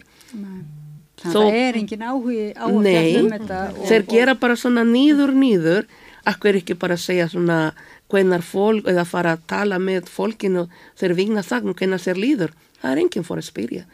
Og það er, Þau eru bara ósynilegt fólk. Að þetta, er- þetta er huldufólki sem var í Já, huldufólki. Álvar huldufólk. Já, það er bara huldufólk. en ég held lík, það, það er um, smá instinkt um innfly- innflytjendur til að bara don't rock the boat. Bara vinna, bara ekki spyrja ekki, Ekki baratun ég hef talað með öðrum uh, breskur fólk í, á Íslandi og reyna að hei, koma í mótmæli, koma í skrifa nafnið hér. Og það segir, nei, af hverju? Af hverju viltu að breytast Íslandi?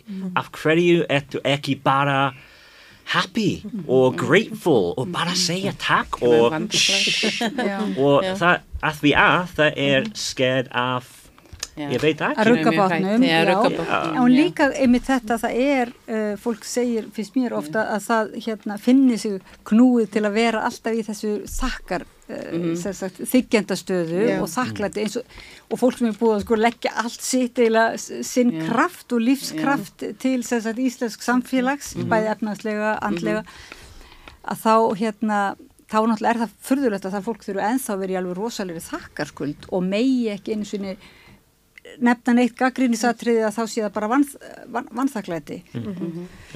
En það er búin að gleyma að Íslandingar eru líka innflytjendur. Það var enginn hér á Íslandi þessum ár áður. Við vorum allir komin frá Svíþjóð, frá Nor Noregi, frá Danmörku. frá- Innflytjendur og flóttafólk frá- frá- Já, Írlandi, frá Já. Bretlandi, það, Skotlandi. Við erum allir innflytjendur hér. Já, akkurat, við erum á sama báti þannig hérna, en svo líka bara eru Íslendingar svolítið farnir að verða sko efnahagslegir flóttamenn Já, til, til annar landa. einmitt, það er um orðin, það. já, það er orðið Já. svolítið algengt sko. Farið til Danmörku, Já, og spánar og, mikið og, spánar og og, og svíþjóðar. og, og, og líta tilbaka og finnst bara Ísland vera mjög erfitt land. Mm Ég held húsnæðismál, það er rekamarki frá Íslandi. Já, Það ódýrar að búa annar staðar. já, Ekki svona eins og þeir segja, borga 50% af leginni í húsulega. Það er að koma með ló til að Lög, já. bara til að stoppa þessi hækkun. Já. það þarf bara Já. að gera þessu ég er alltaf að er alltaf e, það alltaf kemur með húsnæði svona einhvað sína hér frér, að fréttar.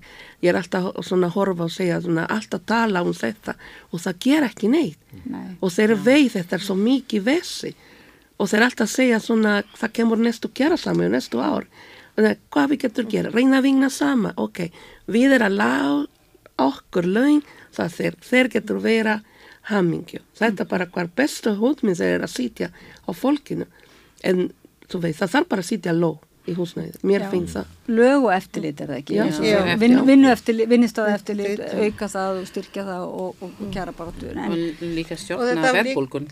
og stjórna. Já, verðbólgun er, áður fórum til bónus 5.000 króna, þú fær full póka, Já. en núna 5.000 króna, þetta pókan, það er hér. Að að enda þessu umræðu hérna, af því að hérna, við verðum að fara enda, já, en sko, að enda á að tala um hvað finnst ykkur um íslenska súpermarkaði?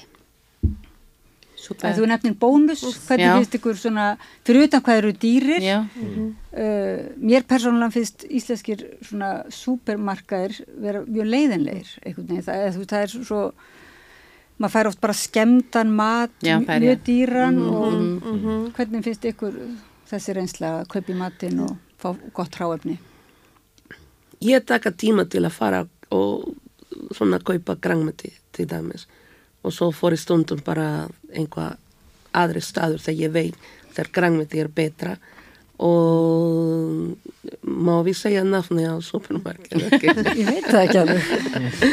og svo þessi þeir eru ódýrar stundum grangmeti og svona e, það er ekki alveg svona 100%. Jú, góðar jú, það má hlýtur um að segja. en stundum ég fá góðar þú veit, svo þetta fyrir mér að ég veit ekki svona ofta ég fór í bónus að því að segja sér ódýrar en það er ekki stundum svo mikið svo ég, við nota bónus, Costco króna, sem ég finnst stundum króna er með betra grangmeti og afasti, það bara hvernig það lítur út. En einhver tíma svo fór ég að kaupa svona jarðaver í hagkvöld og svo bara nokkra dagar aftur. Mm, það var ekki alveg svona svona var skemmt en það er stundum bara þú er að reyna að koma með afasti kannski það er ekki hér á Ísland. Svo við fá ekki svona alltaf svona þessi afasti það þú þarf að borga.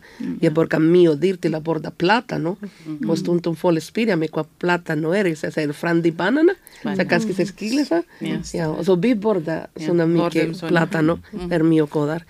En það er svolítið dýrarar eða melóna til dæmi, mér langar að borða melóna. En það er að vera svolítið svona lotto til að fá eina góð melóna og avokado, það er bara En alveg samt, það er búin að breyta mikið. Það- Þegar við komum hinga, það var svo lítið úrval. Núna meira úrval. Já, það er meira Það úrval. er pluss Já, núna. Það er meira að úrval. borða smá græmmiti og... En það er svolítið luxur. Til dæmis er alltaf þú fór til læknir og segja, borða meira grænmeti, borða meira er dýrt. Það er mjög dýr. Já. Þú getur bara kannski kaupa brauð og, og túna til að, Já. svona, til að fá og mat. Svo, Espagetti. svo er þetta fiski þjóð um af en hérna, sjó en það er mjög mikill luxus að borða fisk Já. Já, og það er að meira fisk. Finn, mér finnst það mjög skrítið að við erum í fiskabransi en samt fisk er mjög dýrt. Og við fáum e ekki eins góðan gæði. Nei. í markaðin. Ég er alltaf að hugsa um uh, breskur uh, supermarkaðu að því að frá vikuna til vikuna verð uh, breytast. Að því að það er alltaf tilbóð fyrir eitthvað eða eitthvað eða ekkið eða safi og tvei fyrir ein eða þrei, þrjá fyrir tveir. Og svo ég veit ekki hvað ég vil að borga fyrir það. Og á Íslandi það er bara Ekkert X, svona. það er engin tilbúð fyrir það. Það, það er geggjað fyrir mér. Svo simple Já, já, þannig að það er jákvætt það Já. skul ekki vera þessi já. tilbúð Já, bara það er ákveð stöðugt það, er líka monopoli á þessu. Já. Að það, það er sama fjölskylda sem eiga nokkrar supermarkaðar og hér á heita bara, ég held að það er bara tv- tv- tvær, fjölskyldur sem eiga supermarkaðir. Svo finnst ykkur Ísland bara að vera svona eins og mafju mafju. Aftur þú opna augu og svo sjáðu hvernig þetta er búin að breyta. Við erum að tala fyrir 23, Þrjú, 7, 27 4 ár, ára og já. 10. Hvað mikið búin að breyta. Svo svo getur segja, já, það er svo mikið mafja.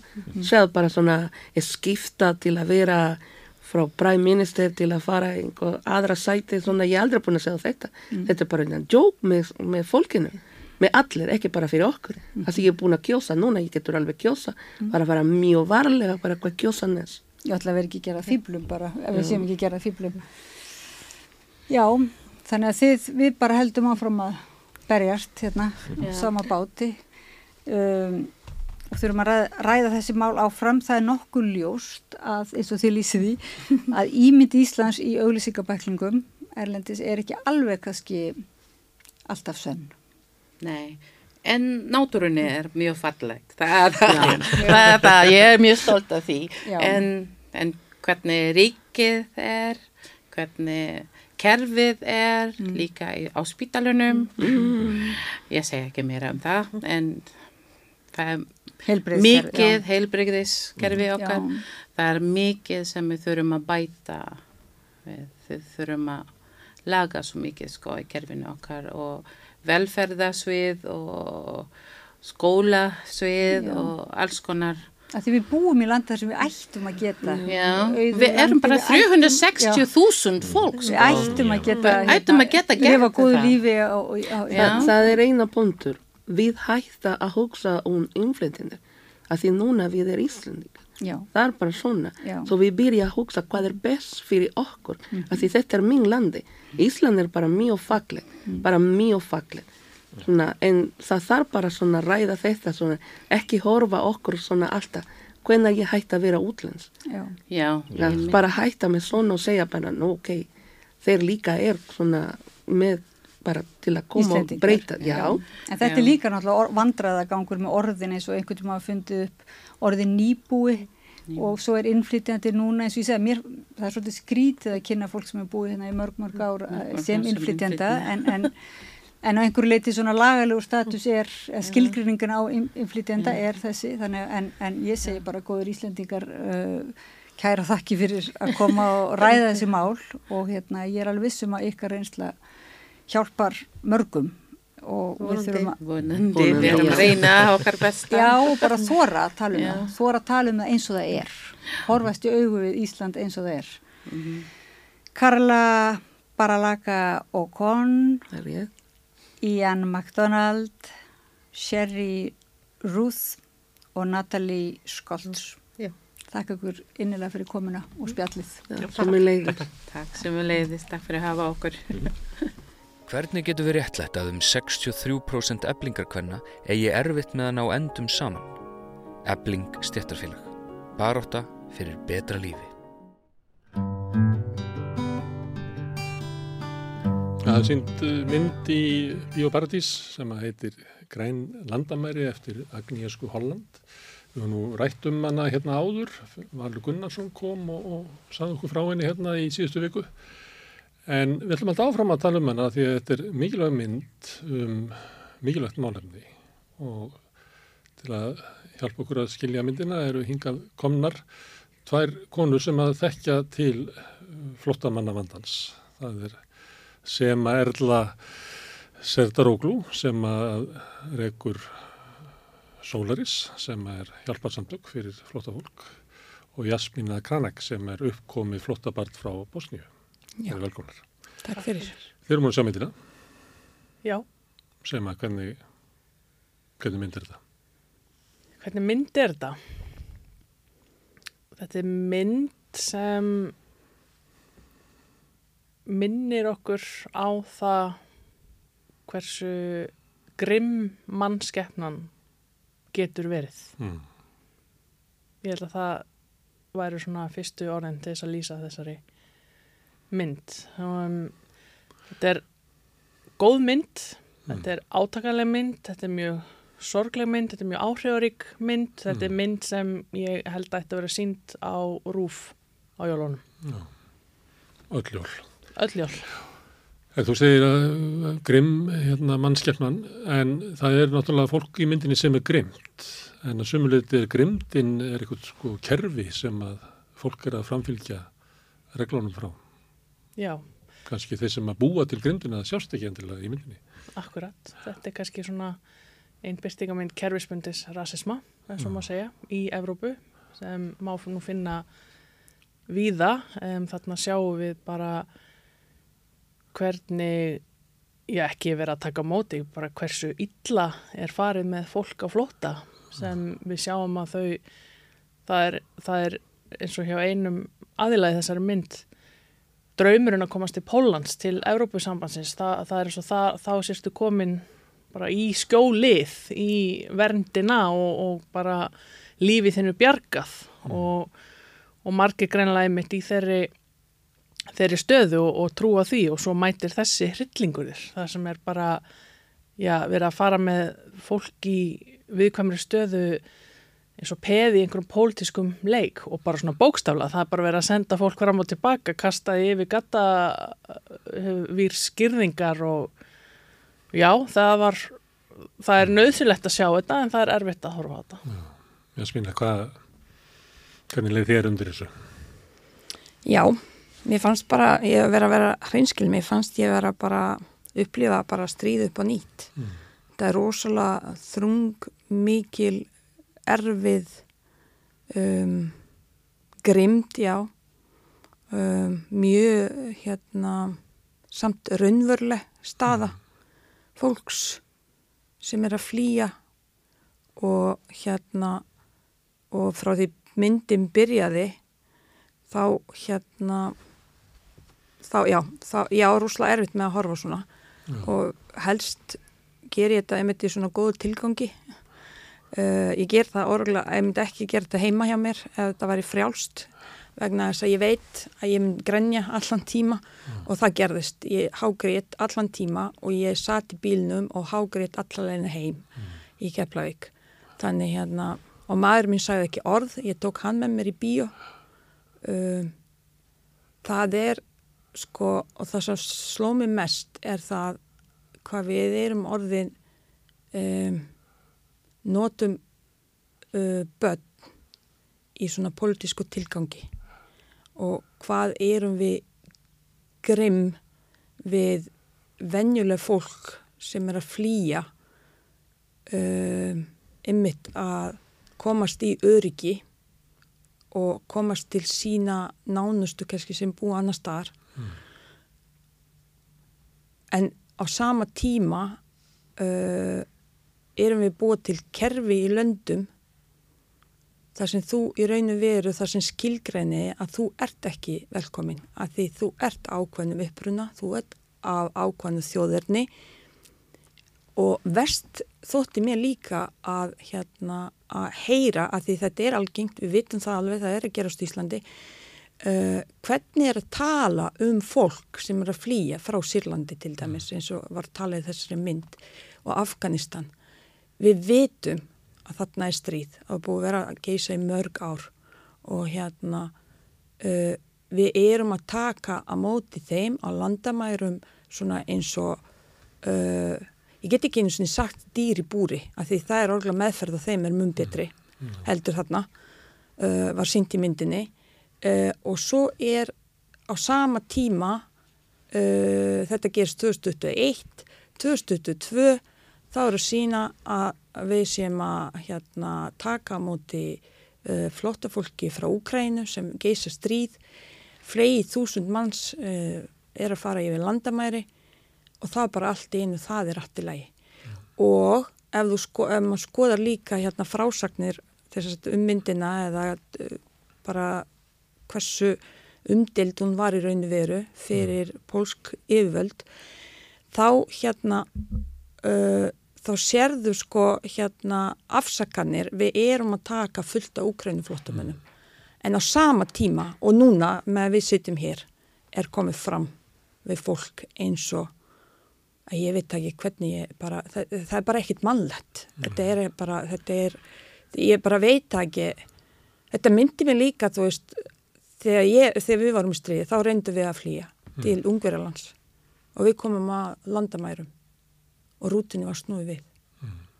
þau tóku ekki þetta mót okkur ekki frekar enn í dag sko mm. þannig þú veist, bara þetta að upplifa ekki neitt annað það var nóslæmt en hvað þá þar sem við þar sem við líst í þessari mynd hvernig þau henda fólkinu á milli landamæra þetta er bara svona eins og einhver leikur mm. en við, þetta er engi leikur þetta er alvöru liv barnana mm. og og fólks sem hefur engan til að tala fyrir. Mm. eða þú veist, hefur engan til að þú veist, það er engin að tala fyrir það fólk. Mm. Þetta kemur vel fram í vindinni, við kynumst fólkinu fyrst fullt af von og björnsinni að, að vera komast í eitthvað skjól eitthvað stöður og svo svona bara bara það broti niður og sínt með alls konar hægt í myndinni það tapar öllum eigum sínum og er orðið bara öllus. Og þetta er á landamörum Belarus og, og Pólans það sem að þeim er kastað þegar það komast yfir til Pólans að það hendi yfir aftur og svo öfugt og þannig gengur þetta aftur og aftur. Og það sem að þú ert að vitna til að, að pólverunum finnst þetta ósangjant að sem verið að búa til myndu þetta af því að þeir hafa verið svo góður í staðið sér vel í því að taka mótu mikið af fólki frá Úkrænu. Akkurat. Það heyrir maður andmæli frá Pólandi, óréttlátt. En þetta er náttúrulega að sömu liti, einhver liti, er þetta sérstök staða við þessi landamár, landamæri sem að, en hvað, en að sömu liti er þetta almennt. Mm -hmm. Það er að sita þarna og sjá fyrir sér mótug og íslendinga flóttafólki. Já, ég held að þetta sé nú ekkit einstæmi það sem er að gerast á þessum landamærum. Þetta er kannski svona mjög skýr byrtingamind. Þetta er, um, það er náttúrulega ekki hægt að að benda á að við gerum eitt svo vel og þess vegna er í, í lægi að koma viðbjörslega fram með einhvern annan, það alltaf bara gengur ekkit upp og, og ég meina, sannleikurinn hefur alltaf verið óþægilegur og, og, og hérna, maður finnir nú lítið til með því, en ég meina, við höfum alveg séð þetta í víða, víðar í Evrópu, þetta var líka og er að gerast í fleiri ríkjum, ég meina, það voru margi sem fóru bara að reysa e, girðingar e, og hafa verið að gera síðustu ár eftir að, að stríði til dæmis bröst út í Sýrlandi, það er og það er ill meðferð á flottafólki viða í Evrópu og ég meina við þurfum ekkert að líta rosalega langt til að finna hana. Við, við erum alveg sam uh, ábyrg í því. Mm. við komum ekki vel fram við flottafólk þannig að og ég meina einu munun okkur og öðrum ríkjum er að við erum ekki með bein landamæri við eitthvað annað ríki annars væri við líka öruglega að finna fleiri á göttunni í skójunum í röðrunu heldur en við erum nú þegar að gera. Ég held að það sé það eina sem að greina okkur að frá öðrum ríkjum. Mm. Já, en myndin uh, segir frá flottafólkinu, mm. segir líka frá pólskum eh, landamæravörðum, mm -hmm. Segir frá svona aktivistum sem eru að reyna aðstóða flottafólkið. Finnst ykkur myndin draga svona raunsanna mynd af mannskeppnun í mismunandi hlutverkum í.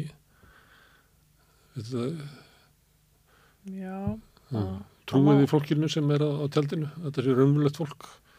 Mér finnst þetta mjög góð mynd að því leiti, já. já. Ég, ég, ég fann til með manninu sem var bara stjarfur af uh, bara ofbeldinu sem var búið að beita hann. Ég gæti alveg sett mig í spór þeirra sem voru að lappa með byrðir inn í, inn í skójunum og að ég veit ekki, ég er svona kannski það sem að kom stundu svona var veist, auðvitað er fullt af fólki í þessari stöðu að vinna eins og einhverju landamæra verðir að taka móti mm. uh, fólki í þessari sem er að koma í leitað vernd, ég hef ekki samúð með því að það beiti það ofbeldi mm. það, það vilur enginn að fara að flóta þú vilur að vinna fyrir kerfið sem brítur neði fólk mm. það er svona kannski held ég en þannig að það er kannski svona fannst mér svona, ég veit það ekki En hún reynir að sína að það er, já. við sjáum bara reyna satista þarna, já, við sjáum landamæri verði í svona síðfyrirslegri hérna klemmu, mm. veit ekki hvað er að gera við upplöfunum sína. Við sjáum líka með að pínluti sena það sem að konan ætlar að fara að lána jeppan sinn og hættir já. við það, sem er svona, svo sem er svolítið í, í, nógu langt í burtu mm -hmm. til að segja bara nei, ég vil ekki blandast inn í þetta mm -hmm. og það er svona ég veit ekki hvað þetta kalla þess afstöðu sem er kannski afstöða sem að flestir hafa gagvart þessu vandamáli sem er svona eins og siðferðsli leti þetta er bara ofervitt mál til að ég stígi inn í og hætti minni stöðu í samfélaginu til að blanda mér inn í það þannig að mér fannst hún að sumuleiti sko mm. hún eiginlega fer yfir eiginlega allt spektrumi líka með flóttafólksins það bregst mísjáflega við þannig að hún er eiginlega að gefa okkur mm -hmm. ótrúlega sterkar svona persónulýsingar mm -hmm. Já, ég er sammála mm -hmm. ég, eins og segi, ég get sett mér spór ég get alveg sagt bara svona frá mínu eigin persónulega reynslu þetta er nákvæmlega svona mm -hmm. Og fólk er í síðferðslega svona klemmu. Að því ég mann því við vorum í stríði og þó, þó aðrir hermenn af öðrum uppruna uh, myndi vilja hjálpa okkur. Þau þörðu ekki. Ég menna þetta eru allir, þú veist, eins og í mínu tilviki þetta er kannski fólk sem pappi ólst upp með og mamma líka. Og hérna en, en það er herskilda en þarna er öðruvísi eins og sem að réttilega bendir á þarna er fólk að velja að vinna sem landamæraverðir. Uh, og, og kannski þú veist uh, já, þú getur svo sem valið alveg, þú veist, þetta valið uh, punktur. Uh, í stríðinu þú velur það ekki, flottamenn velja þetta ekki, uh, hermenn velja þetta ekki endilega hérna í stríðinu að endilega vera þar, þetta er bara herskilda og, og ef mm. þau gera þetta ekki þá er yfirleitt, þú veist, hóta einhverju öðru í staðin. Þannig hérna, maður getur skilið það. En, en samt, þetta er samt þannig raunverulega í raun og veru mynd sem síni hliðina. Hvað erum við kljást í samfélaginu? En eins og þú segir réttilega Gunnar líka að við sjáum aldrei fólki sem er í rauninu verið setja þessi lög og sem er að setja þessa reglur og er að nota börn og fólk að flutta að hérna viðkvæmustu hópa til einmitt í pólitísku tilgangi uh, til að fá eða til að augra eða til að fá eitthvað í staðin sem er held ég ný veruleiki.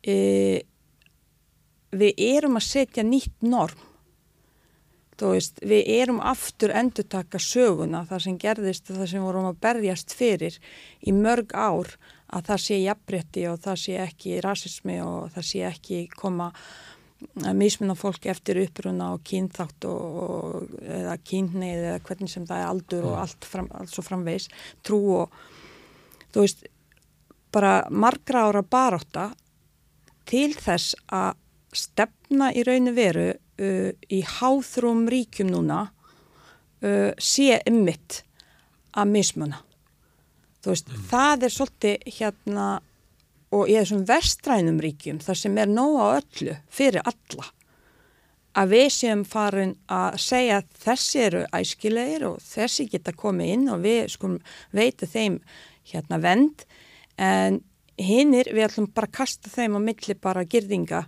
að því þau eru svört eða þau eru hérna frá hérna Sýrlandi eða, eða koma frá Afganistan eða þú veist, mér finnst þetta þetta mjög áberandi og mjög skýr skilaboð í myndinni. Já, og raunverulega er það Evrópussambandi, þetta er landamæri Evrópussambandis. Mm. Akkurat. Þótt að pólverum kannski lítið á þetta sé landamæri pólverja, þá er myndin eiginlega, það er eiginlega sterkar þetta sé landamæri Evrópussambandis í myndinni.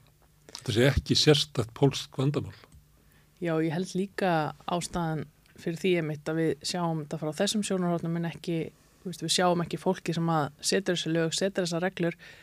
Það held ég að sé líka af því að þau sjá heldur aldrei framann í fólkið sem tekur afleðingunum af því. Það sittur bara í þægindu sínum og, og býr til fleiri lög og reglur mm. á meðan það bytnar á fólki og það er fólk sem er að breyðast við og það er fólk að taka afleðingunum. Þau mm. Sjá ekki ángistina og örvæntinguna og sorgina í augum fólksins sem það er að setja í þessar aðstæður. Mm.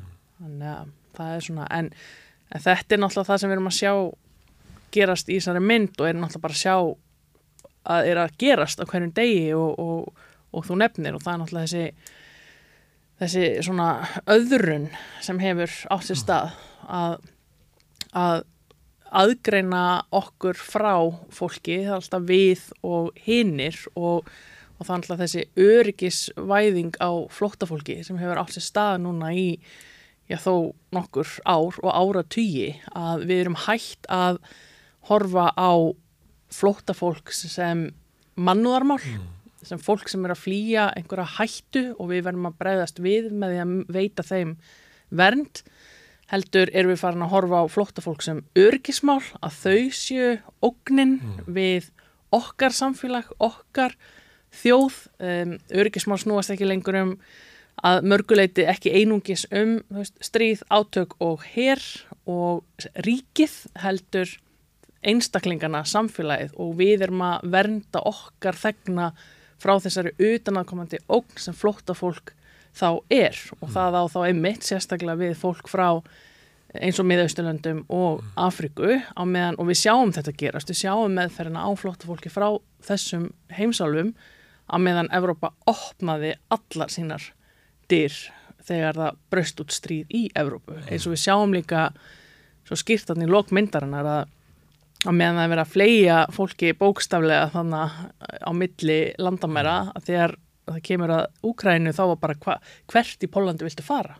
Hvaða rútu ætlaru í? Bara hvert má bjóða þér? Og þannig var fólk bara með páagauki sinn í, í búri sem þurfti að drífa sinn í, inn í rútu svona meirinu ekki of, of kallt ég menna bara vá sko, þetta var svona mér finnst þetta mjög mikilvægur punktur líka í þessari mm -hmm. mynd. Og þetta er bara hluta því að við erum búin að aðgreina flótta fólk um, í þennan hóp hinna sem okkur stafar mm. ógnaf og við viljum hafa sem minnst af.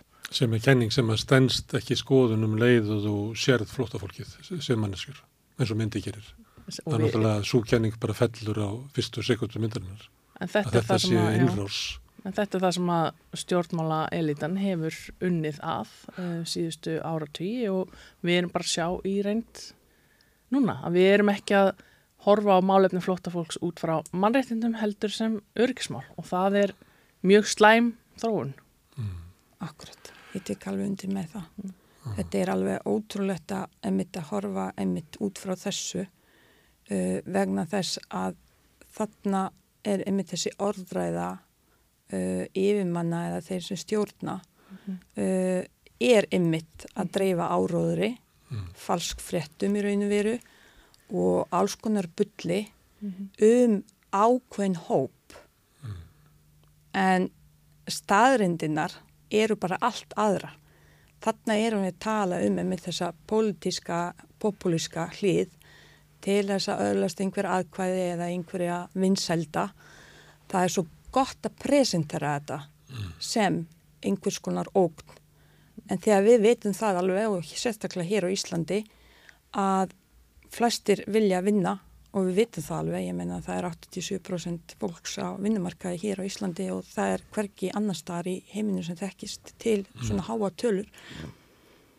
Þannig þar sem við erum líka sjálf bara að sjá að við erum að henda fólk, jafnvel fólk sem er í vinnu hérna í nokkur ár og erum að, að senda þér úr landi.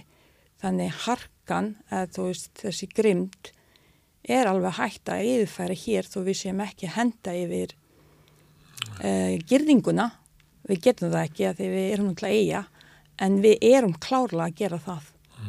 Þú Og, og það virkar ekki þegar við sjáum mynd sem er gerð með svona humanísku sjónurhóttni um að, að flóttafólki er 99,99% alveg eins og við með sömu langanir og þrár og allt saman. Já, það er ekki nefn og sjáir það úr einhverjum fáralugum fjarska Já. að þú getur sannfært um þessa afmennskun sem að stjórnvöld standa Akkurat. fyrir. Og þetta er það sem ég kenni fyrirlestrunum. Fyrsta, fyrstu klærunni hjá mér er einmitt 99%, 925 erum við með sömu gen og sömu uppbyggingu. Þannig við erum ekkert öðruvísi, það er búið að afsanna það. Þannig, ég, þannig að, að við skulum með alla þessa tækni upplýsinga og allt sem er í gangi núna og alla söguna að við getum ekki sint uh, mannauð og vera mennsk fyrst og fremst. Þetta er, með, þe- þetta er þú veist, ég næri ekki utanum þetta. En við sjáum líka, það er ekki, það er ekki afmennskun, en við sjáum hvernig sko fólkið, það týnist utan af fólkinu.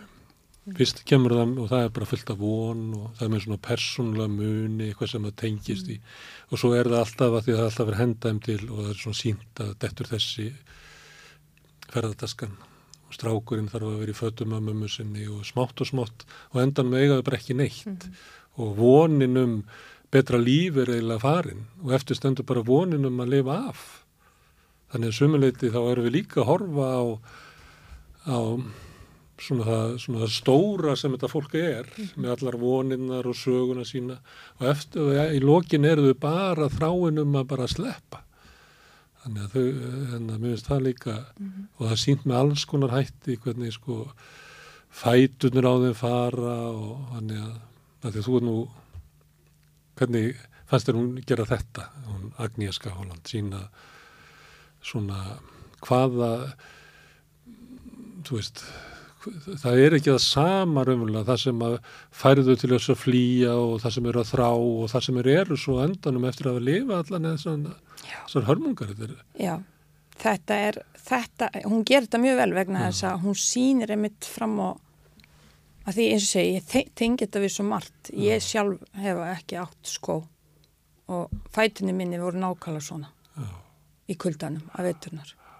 Og svo á sumurinn það var svo heitur hérna Malbyggja var svo heitt að ég lappaði á hérna lestateinunum að því þau voru tré eða svona spýtum.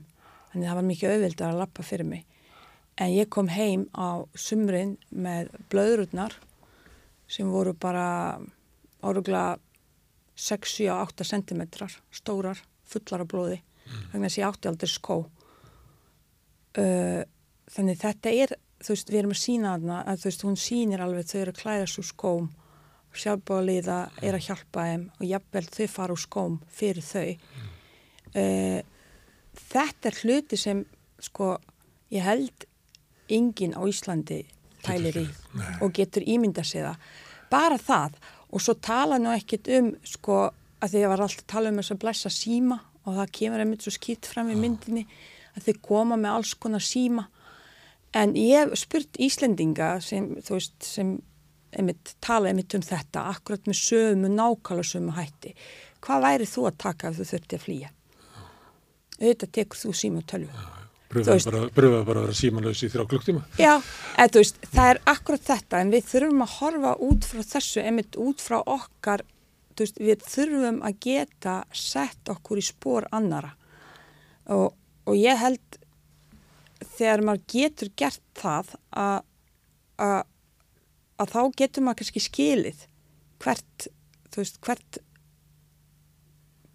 hversu, eða veist, bæði hvert við erum að fara með þetta og hversu slemt þetta í raun og veru er.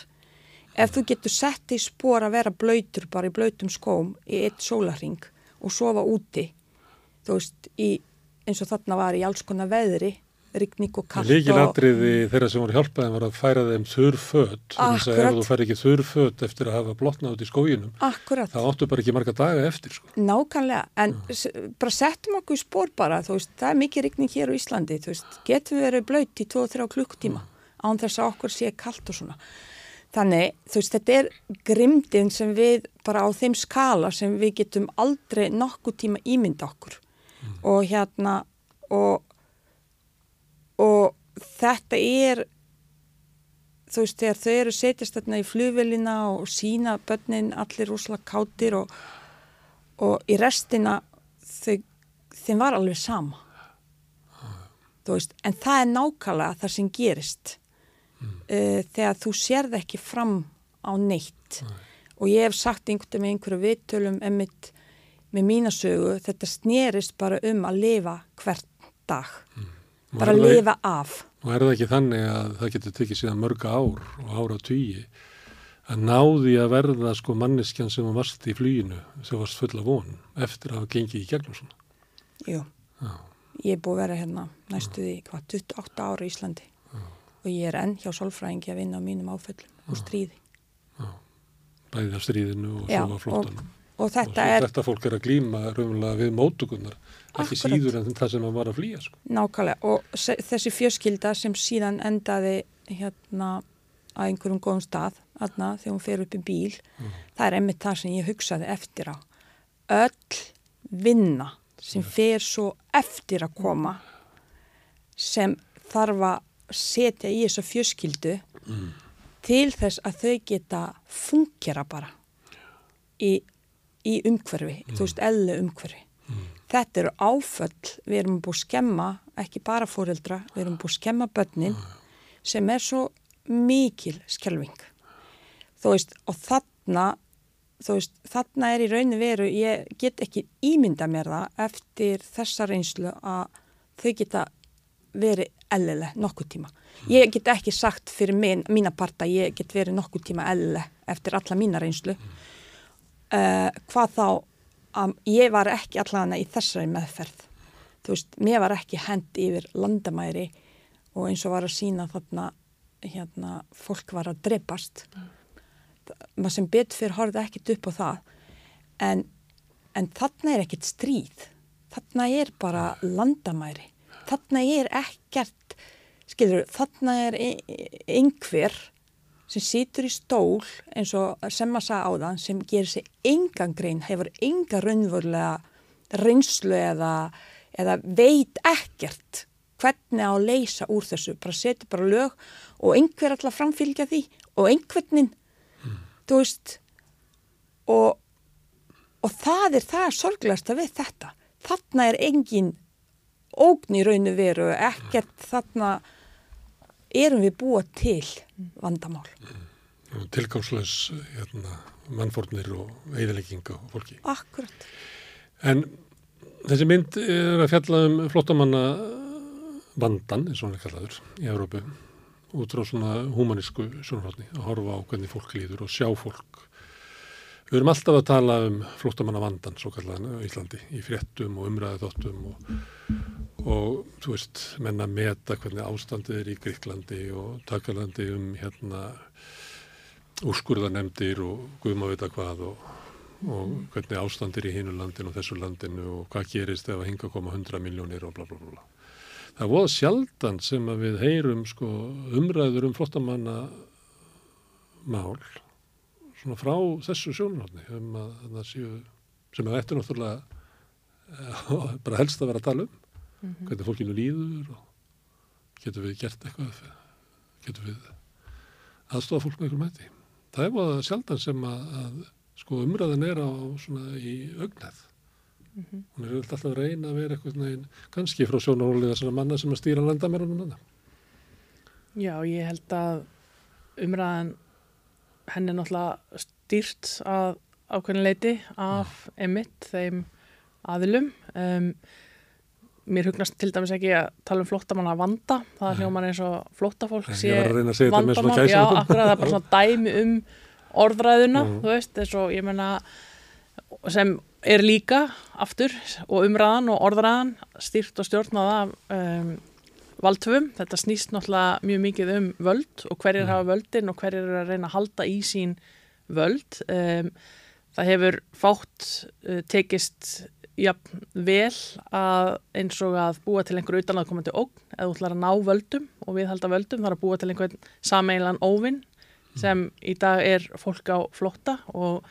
við sjáum það bara hér allstaðar að þetta er það sem að stjórnmálafólk og flokkar eru að nota í uh, stjórnmálalegum tilgangi til að ná völdum. Þetta hafa verið mitt þessi svona já, ákveðnir flokkar, ákveði fólk sem hefur verið að því. Það sem alltaf veldur mann áhyggjum er að maður að sjá svona kannski frálslindari og, og, og vinstri sinnari öll stíga inn á þetta svið líka til þess að ná eða viðhalda völdum. Þannig að þetta er ekki svona einskurast ekki bara við hægrið, öfgahægrið eða, eða annað slíkt og og þegar við erum með valdhafa sem tala um við og hinnir og þessi hópur sem er fyrir svo við getum hjálpað hinnum og, og þetta er sama fólk sem er að setja lög og, og reglur þá er ekkert skrítið að, að umræðan sé í, í, í takt við það og, og hún líka ítir undir fordóma, hún ítir undir anduð í garð flotta fólks og hún ítir undir þessa öðrun að, að við séum að skilja okkur að frá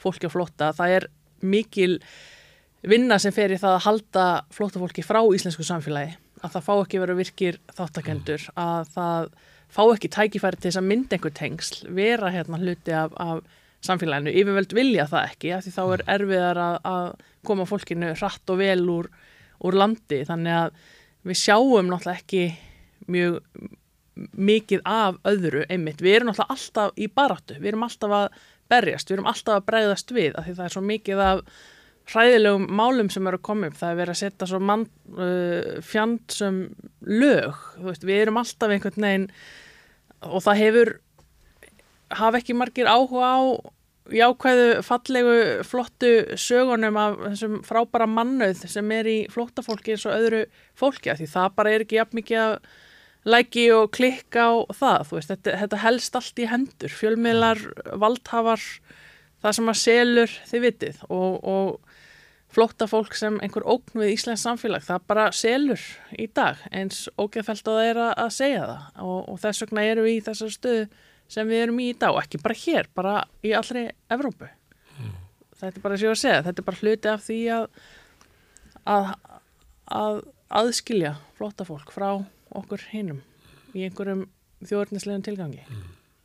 Það eru personur, maður regnar með því að það sé, þeir sem er horfa á myndina eru ekki flotta fólk og ekki mm. ráðamenn, þetta er svona því svo kallega vennjulega fólk mm -hmm. og það eru nokkra personur sem að svona lýsa afstöðu þess í myndinni. Mm -hmm. Ég nefndi konuna sem að bara vegna þess að, að valdhafa náttúrulega að gera það, þú veist allt um það, gera það -hmm. hérna þá sem eru að reyna að berja þér flottamenn bara, það, það kostar mhm. að þú jöðruði í samfélaginu og, og þess vegna þorði hún ekki að lána jeppansinn, konan, gegn betri finnund. Mm -hmm. bara, hún horfir á eigin hagsmunni og, og svo er þetta bara óvóljust til þess að hún gerir það. Og við sjáum líka fólk sem að kallar rækirðum á eftir flottafólkinu. Mm -hmm. En svo er hérna, einn persóna sem er ólétta kona landamæðvarðarins sem að veit af hryllingnum mm -hmm. og það kemur ekkert fram í myndin í hvernig hann veit það og þannig ég held að, að þetta sé táknum þá alla sem er bara að búa á vesturlundum og vita alveg af þessu. Mm -hmm. og þóttir það við kannski ekki séð að vita er eitthvað hryllingur í gangi í okkar nafni. En hún velur kannski er að valið að því að hún er af þessum ólétt kona og vill bara fá eitthvað vend í veikri stöðu sinni að hún bara vill ekki að maðurinn sem komið nála þessu. Að það er mörkið sem hún setur. Að við eigum ekki að tengja þessu mm -hmm. en að hún hefur ekki sko, stöðuna eða kjarkin til þess að stíga fram og berja skegg þessu. Þannig að með þetta myndir fjalla líka um afstöðu vennilega fólksins sko. það er dreigir upp dæmi að því. Mm -hmm. Það er klárlega, það er ekkit þú veist, ég er mitt upplifið þetta líka því það var bara mjög augljóst að hún var ekki samþýttið þessu. Uh, og fannst þetta hryllingur sko. Bara yfir þyrmandi hryllingur. Já og það er það hún vildi ekki fá þetta inn í sitt líf í gegnum mann sem nei, uh, það er náttúrulega alltaf tilfinningin um það að, að þú ert slæmur eða þú veist slæm manniska þegar þú kemur fram illa fram við fólk, það er bara staðrænt og þú vilt sem manniska ekki hafa þetta á þínni samvisku þar að segja mm -hmm. ef þú ef þú hefur þetta síðferði sem þarf til að búa til, eða að búa í einu samfélagi. Uh, þannig auðvitað segir það bara okkur að ef þú er með almenn skynsemi þá viltu ekki koma nála til þessu. Uh, hins vegar, það er einmitt þetta sem er svo hættulegt einmitt í mhm. samfélaginu vegna þess að þá, ef við hinn sem, uh, sem getum sem sagt mótmælt þessu, ef við stöndum ekkit upp og segja að þetta sé ránt þá erum við búið til ný, ný norm í samfélaginu að það sé aftilega útskúfa og aftilega koma illa fram við suma en ekki aðra. Og hérna en mál er það ef við ætlum að leifa það hvenar þá kemur hvenar þá taka upp stjórnmálamenn að koma illa fram við alla hýna líka? Það er þegar þeim allt einu dettur hug að þau geta hagnast á því. Þá mun alltaf gera það. Þannig fólk á ekki gera ráð fyrir þetta er ekki ég, ég mun ekki landa í þessu. Þetta mun ekki koma fyrir mig, þetta mun ekki koma á Íslandi, þetta mun ekki gerast hér og þar. Mál er það, það mun gerast þegar, einmitt, stjórnmálamenn, en það eru við sem sittum þessu norm. Þess vegna er svo mikilvægt, einmitt, að, að vera sangjarn og hafa rosalega hátt þröskuld, síðferðslega þröskuld Uh, ég er mjög mikið gaggrind fyrir það einmitt að því ég, öllum finnst einhvern veginn að mann tekur upp hanskana fyrir alla að vilja opna landamæri og hleypa öllum inn. Þetta snýst ekkit um það. Þetta snýst minnst um það að opna öll landamæri og, og veist, hleypa fólki inn. Þetta snýst um þetta fólk sem er komið hér að við getum ekki lift okkur sem manneskjur að koma illa fram við þau. Það er aðal punkturinn í allir þessari umræðu. Við þurfum sína mannauð og við þurfum sína skilning vegna þess að við gætum alveg eins verið þessum spóru ekki kannski langt fram í tíma. Það veið bara eftir því hvernig pólitíkinn sér tækifæri í því að nýðast og hverjum og hvenar og hvað tímabili mm. og þetta þekkjum við gegnum söguna. Þú veist, það er ekki hérna, núna eru náttúrulega hérna, flótamenn uh, þetta getur verið transfólk þetta getur verið hérna, fólk hvernig kemum að því að fólk frá Kína færa að kenna á því einhverju sumum uh, löndum hvenar, ég meina, þetta getur verið hvað sem er, bara við, ég bara ég, bara hvít manneskja, þú veist hvenar lendir ég í þessu? Ef ég fer einhversta annar staðar mm. -hmm. sem það ég flytt til Afríku alltaf þau ákvaða það því ég hvít þá alltaf bara þá ekki bjóða með við borði ég meina Það var einn setning sem að tengist þessu sem að einn af líklega sírlensku mönnunum sagði við landamæraverðin þess að ef að þú kemur heim til okkar já, já. þá myndu við mm -hmm. bjóðar í mat Nákvæmlega. það er eðlilega hefðun sko. Ég finnst þetta með líka sína kannski svona hversu mikið einstaklingsheikjan hefur yfir tekið það að emitt bara samkend og geta sett því spór annara og hvernig við hugsaum um okkur sem hlut af samfélagi og, og að og, og bara samfélagsþegna sem já, bara mótum samfélagið og okkar gjörðir og einmitt og bara hvenar er síðferði okkar nógu misbóði til þess að við stöndum upp og förum og gerum eitthvað. Það er einhvern veginn sem er náttúrulega bara hluti af öllu þessu að afmennska fólk og, og, og gera okkur ónæm fyrir því að það sem verður að koma svona illa fram við fólk á flotta. Þannig að það er svona hluti af allar þessari, allar þessu ferli með að, að, hérna, að gera okkur einhvern veginn bara að því það er líka að að gera ekki neitt að horfa upp á þetta og segja ekki neitt og, og, og breðast ekki við. Það er bara eiginleik á þér sem já, en ég minna við getum ekkert verið bara hlutlaus og, og hort upp á eitthvað svona, það er ekkert sem heitir svona aðstæðum að vera hlutlaus þannig að annarkort tekuru afstöðu og berst með þeim sem er verið að koma illa fram við kúa eða, mm -hmm. eða reyna að útrýma eða þú tekur afstöðu með þeim sem að bera ábyrðaði það, það er svona, en maður sér samt alveg að það er mjög áhvert að sjá munin einmitt eins og á konan sem kemur á jeppanum og hættir við að lána hann og, mm -hmm. eða einmitt Júliu sem bara sér hvað gerist og bara mm -hmm. herðu, hvað get ég gert við mhm. setja svona, kannski mjög svona skýr sínir á skýranhátt munin á já, bara manneskjum með almenlega siðferði og, og annari sem að hugsa frekar um að fórna ekki sinni velíðan og, og þægindum. Er þetta erfið mynd en þið mælið með að fólk sjá hana? Mjög mikilvægt að sem já. flest sjáu þessa mynd. Já. Ég sagði bara, þetta var að sína þetta á hverju degi. Þetta var að skilda áhorf á hverju degi, dag eftir dag, aftur og aftur þar til við náum þessu skilabóðum mm. hvað er þetta slemt fyrir ja. samfélagi okkar og þó að fólk kannski grátt undir henni að þá er það hold, það er hold að gráta já, mér finnst bara mjög hold að, og ég viðkynna það alveg að hérna þetta gerir mig að mannesku sem ég er í dag að vera mm. mennsk og ég mun aldrei taka undir svona ofbeldi alveg sama hvað hópar þetta eru að því þetta er líka ákveðin markmið og prinsipmál. Og lang, þú veist, eins og segi, lang flestir finnst mér eiga bara vera þar bara svona almennt. En því miður við höfum séð að þetta er ekki og ég hef mikla áhyggjur af því vegna þess að eins og við vorum ræða, þetta er samfélag. Og hérna og við erum ala börn okkar upp í, upp í þessu samfélagi. Næsta kynnslóði, hvernig þau verða uh, ef þau sjá fram á það að, að það sé bara allt til að beita suma ábeldi en ekki aðra. Mm. Það er frekar að ágjöra því ef maður kemist ekki við við að horfa þessa mynd, þá þess maður að fara einhverja sjálfsrýni. Akkurat. Sem Erla og Jasmín að kjæra það ekki fyrir að koma hingað og vera með þessa svona kveimindagagrinni, mm. umræðum kveimindir. Þegar maður áttur að taka listaverk sem innlegin í umræðina eins og hvað sem er. Sammála. Takk fyrir. Takk fyrir. Og við náttúrulega hvetjum fólk til þess að fara í Bíóparadís og horfa á græn landamæri, uh, mikilvæga mynd og frábærlega velgerða. En við ætlum að halda áfram að reyna að skilja heiminn hér við Rauðaborðið og næsti kapli verður eftir augnumlik. Hvernig getur við réttlætt að helmingur eblingakvönna býr við slæma andlega heilsu? Ebling stjættarfélag. Baróta fyrir betra lífi.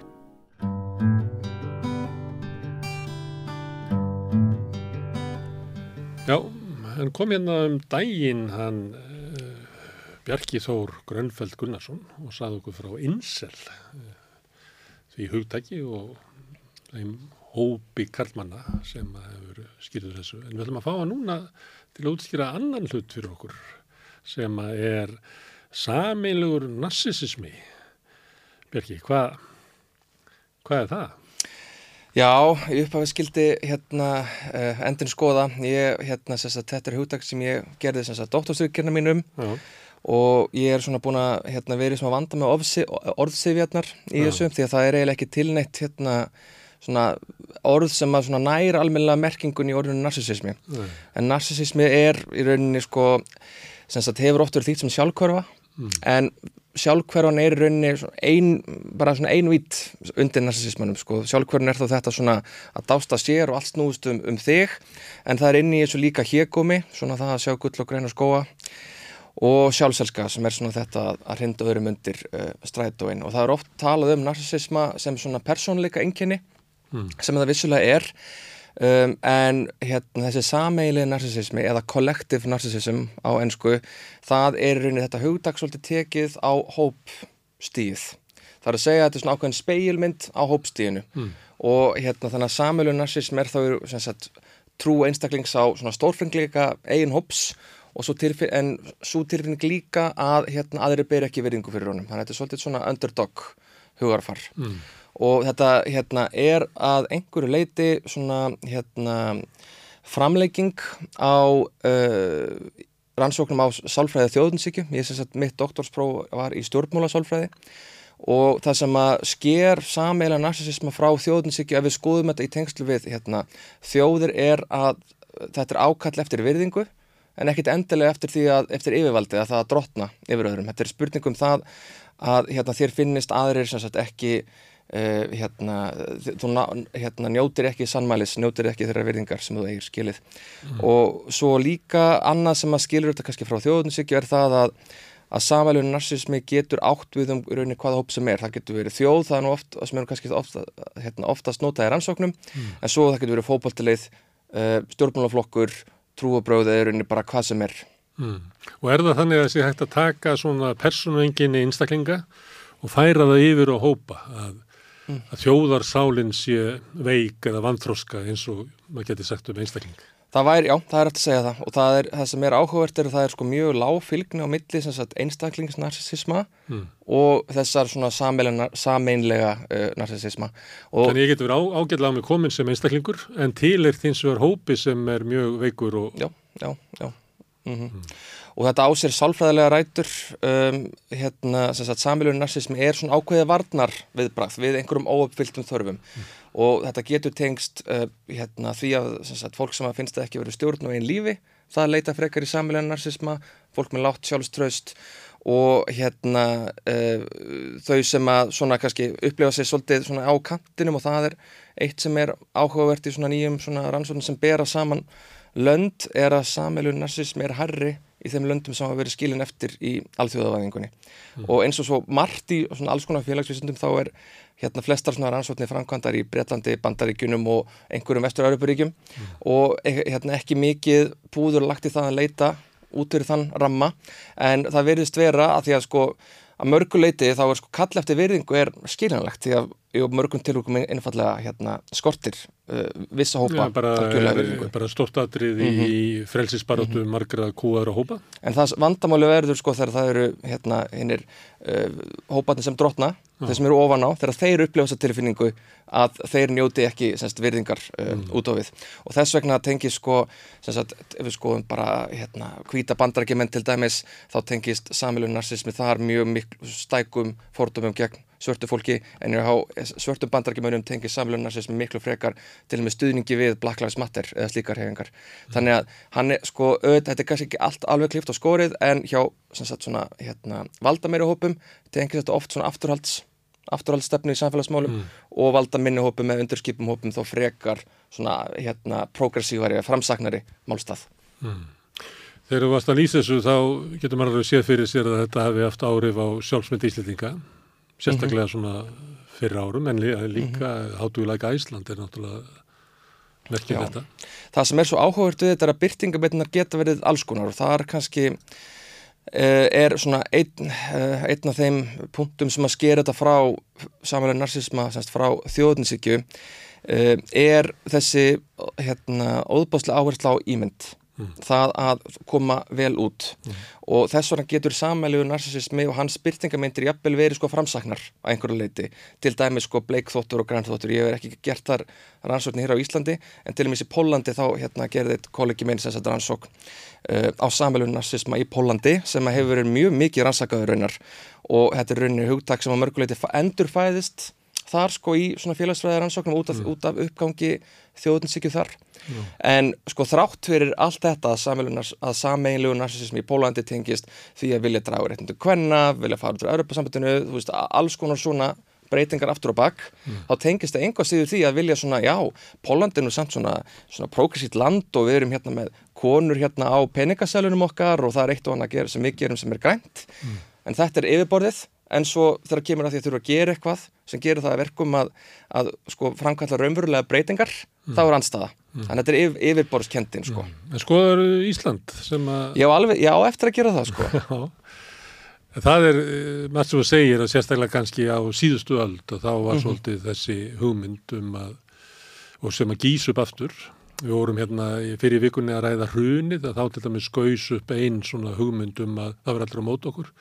Norðurlanda þjóðunar hefðu hérna, snúðist gegn okkur og brettar og hollendinga verið með samsari gegn okkur og þeir eru reyndið til bandaríkina þá vildur ekki hjálpa og þessi hugmyndum, ég held að styrmir hafi út bók sem að hétt umsátrið Mhm. sem er þessi tilfinningum að allir séu á mót okkur Mhm, mhm. sem að myndi falla undir þetta. Algjörlega og hérna gott að minnast á samsærin því að það er svona að mörguleiti einn sko helsta byrtingamyndin kannski nútímanum, það er þessi trú á hérna alls konar samsæriskenningar og hérna ég held að það sé ekki spurning hérna einmitt eins og þetta að á þeim tíma þá var það algengt við það væri eitthvað sérstætt samsæri í gangi gegn Íslandi. Og þetta samvelu narsismi snýst að mörguleiti um það að finna ytri skýringar á einri vandamálum. Og þá var nú gerð heil skýsla hérna nokkrum ára myndir hrun um það, um afhverja þetta um ytri skýringar erlenda orsaka þættir hrunsins Já. sem er mjög mikið þetta svona þetta fráarp Já, sem frá er, er höfundaverk eh, Hannes Rómstis Já. Mm. sem að kemur innan úr sjálfstæðarflóknum sem að oft er svona eins og þú ert að lýsa að, að þetta er náttúrulega valdamest í flokkurinn sem að hefur haft mest áhrif á mótu samfélagsins, fer með möst völd hérna, e, fólk úr sjálfstæðarfloknum er út um alla stjórnsýslu, út um allt stjórnkerfi og, og þeir sem ekki er í sjálfstæðarfloknum finna mjög fyrir valdið, valdið þess en hins vegar oft á tíðum þá láta þeir eins og ofsóttur minnilutahópur þar sem að, að allir snúast gegn þeim.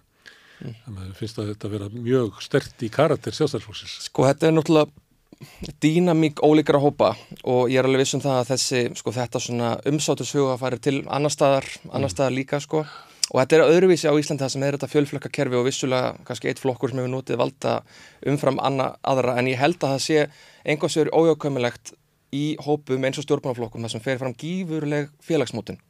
Þú veist, ert starfandi í stjórnmálaflokki og þetta þekkja margir sko, hérna frá degi til dags og þetta verður stærri og stærri hluti af sjálfsmyndinni að þá náttúrulega býra þetta mörguleiti til þetta konflikt. Og svo getur þú lent einmitt í því að sé þessi ráðandi hópur sem að upplifi sig einhverju leiti sko, sem fórnalamp óvæginar umræðu. En það er kannski frá þeirra hlið þeirra, þeirra, þeirra, upp, þeirra upplifun þá mm. smitt, eða hvað segir maður, litast af því að það er náttúrulega bara valdabárata í samfélaginu líka. Já, já, þetta þarf ekki alltaf að vera ímyndun, ekki frekar endur samsækiskenningar þar, það er Mhm. náttúrulega er samsæristöndum. Já, það er nú ástæðan fyrir því að hverju samsæriskenningar, hverju það er sko lifa margar svona lengir að það öðru kóru kemur að ljós að samsæriskenning sem þótti langsótt var sönn, Já. Watergate til dæmis. Já. Þannig að, hérna, já. Og, og bara það eru náttúrulega átök í samfélaginu, það sem er, einn hópur er að, að, að stefna að auknum völdum þótt hann Mhm. sé að segja annað á yfirborðinu. Mhm, Þannig að mhm. það getur virkað gagvað fólki sem, sem samsari. Erðu, en ef að er eitthvað að okkur í, í sálinni að þá förum við og leitum lækninga, Mhm. förum ykkur að meðferð. Mhm. En hvað gerir hópurinn Mhm. sem er veikur?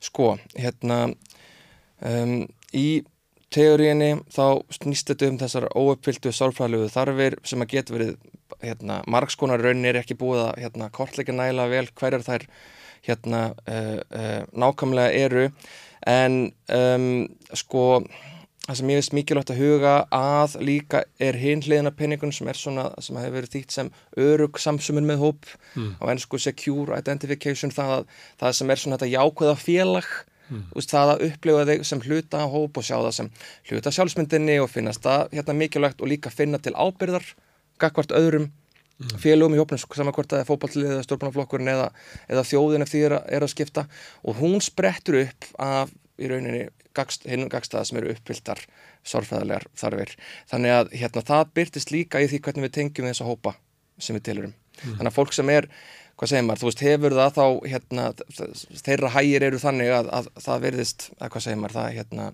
að skortir ekki Mm. það er líklega til þess að tengja svona með svona örugari hætti við hópana sem það tilurir Mm. En hvað gerir fólk? Til þess að- Nei, til þess að lækna hópin. Ef Mhm. að hópurinn er einhvern veginn Mhm, mhm. með svona veika sjálfsmynd að, að, að hann fær svona skakka sín. Mhm. Mm. Mhm. Er þetta lækna hóp? Sko... Eða á eiga bara félagarnir bara að finna sér, finna sér eitthvað skári hóp? Já, kannski einhverju tilfellum var það leiðin. Um, sko, ég, hérna, ég held að besta leiðin sé alltaf bara að reyna að skapa bara gott samfélag, sko. Það sem að, hérna, fólk hefur það heilt yfir eins gott og, og hérna, mögulegt er. Um, það væri svona mitt, svona take away message Já. í þessu. Já, þessi opið þroskað samfélag. Já, já, það er mitt.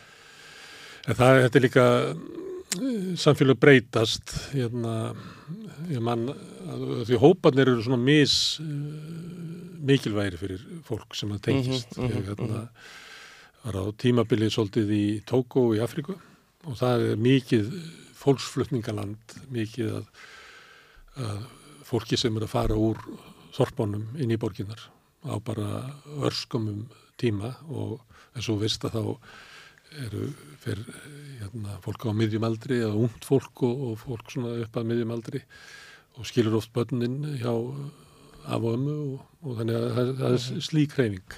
En þá sér maður í borgunum að þá eru sko alls konar hópar mjög öflugir. Það eru sterkir söfnuður, þá sá maður allt í einu svona eins og rótari og kívanis og alls konar svona sem að maður mundi bara eftir frá því að maður var barn, það hefur verið svona sterkir og þá er þetta þessi rosalega þörf mannsins á að tengjast einhverjum hóp þegar hann fer úr þorpinu yfir í borgina sem er, virkar kannski sem glundróði, sérstaklega borgir það sem er mikill, mikli fólksflutningar til og þá hérna, er mikil þörf hjá einstakleikunum að tengjast svona hópum sem voru alls konar. Mm -hmm. mm. Einmitt, sko, ég hef persónlega svona áhyggjur af uh, minkandi félagsauði á Íslandi, Já. fólk tekur ekki jafn mikið þátt í félugum, það eru félug út um all land sem eru einhvern veginn hérna, svolítið í andra, and, andra slitinu þó reyndar að félagsli virkni sína meir út á landi heldur en hér á, í bænum, sko mm.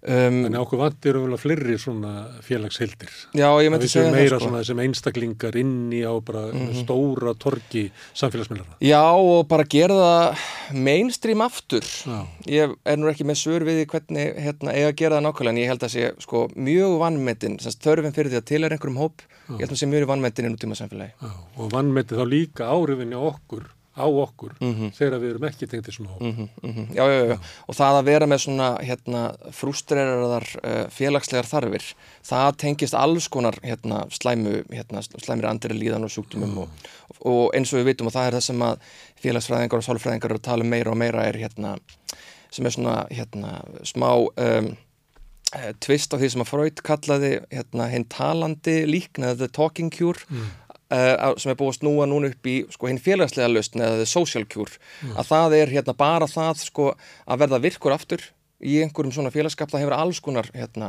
jákvæð, jákvæð, jákvæð áhrif.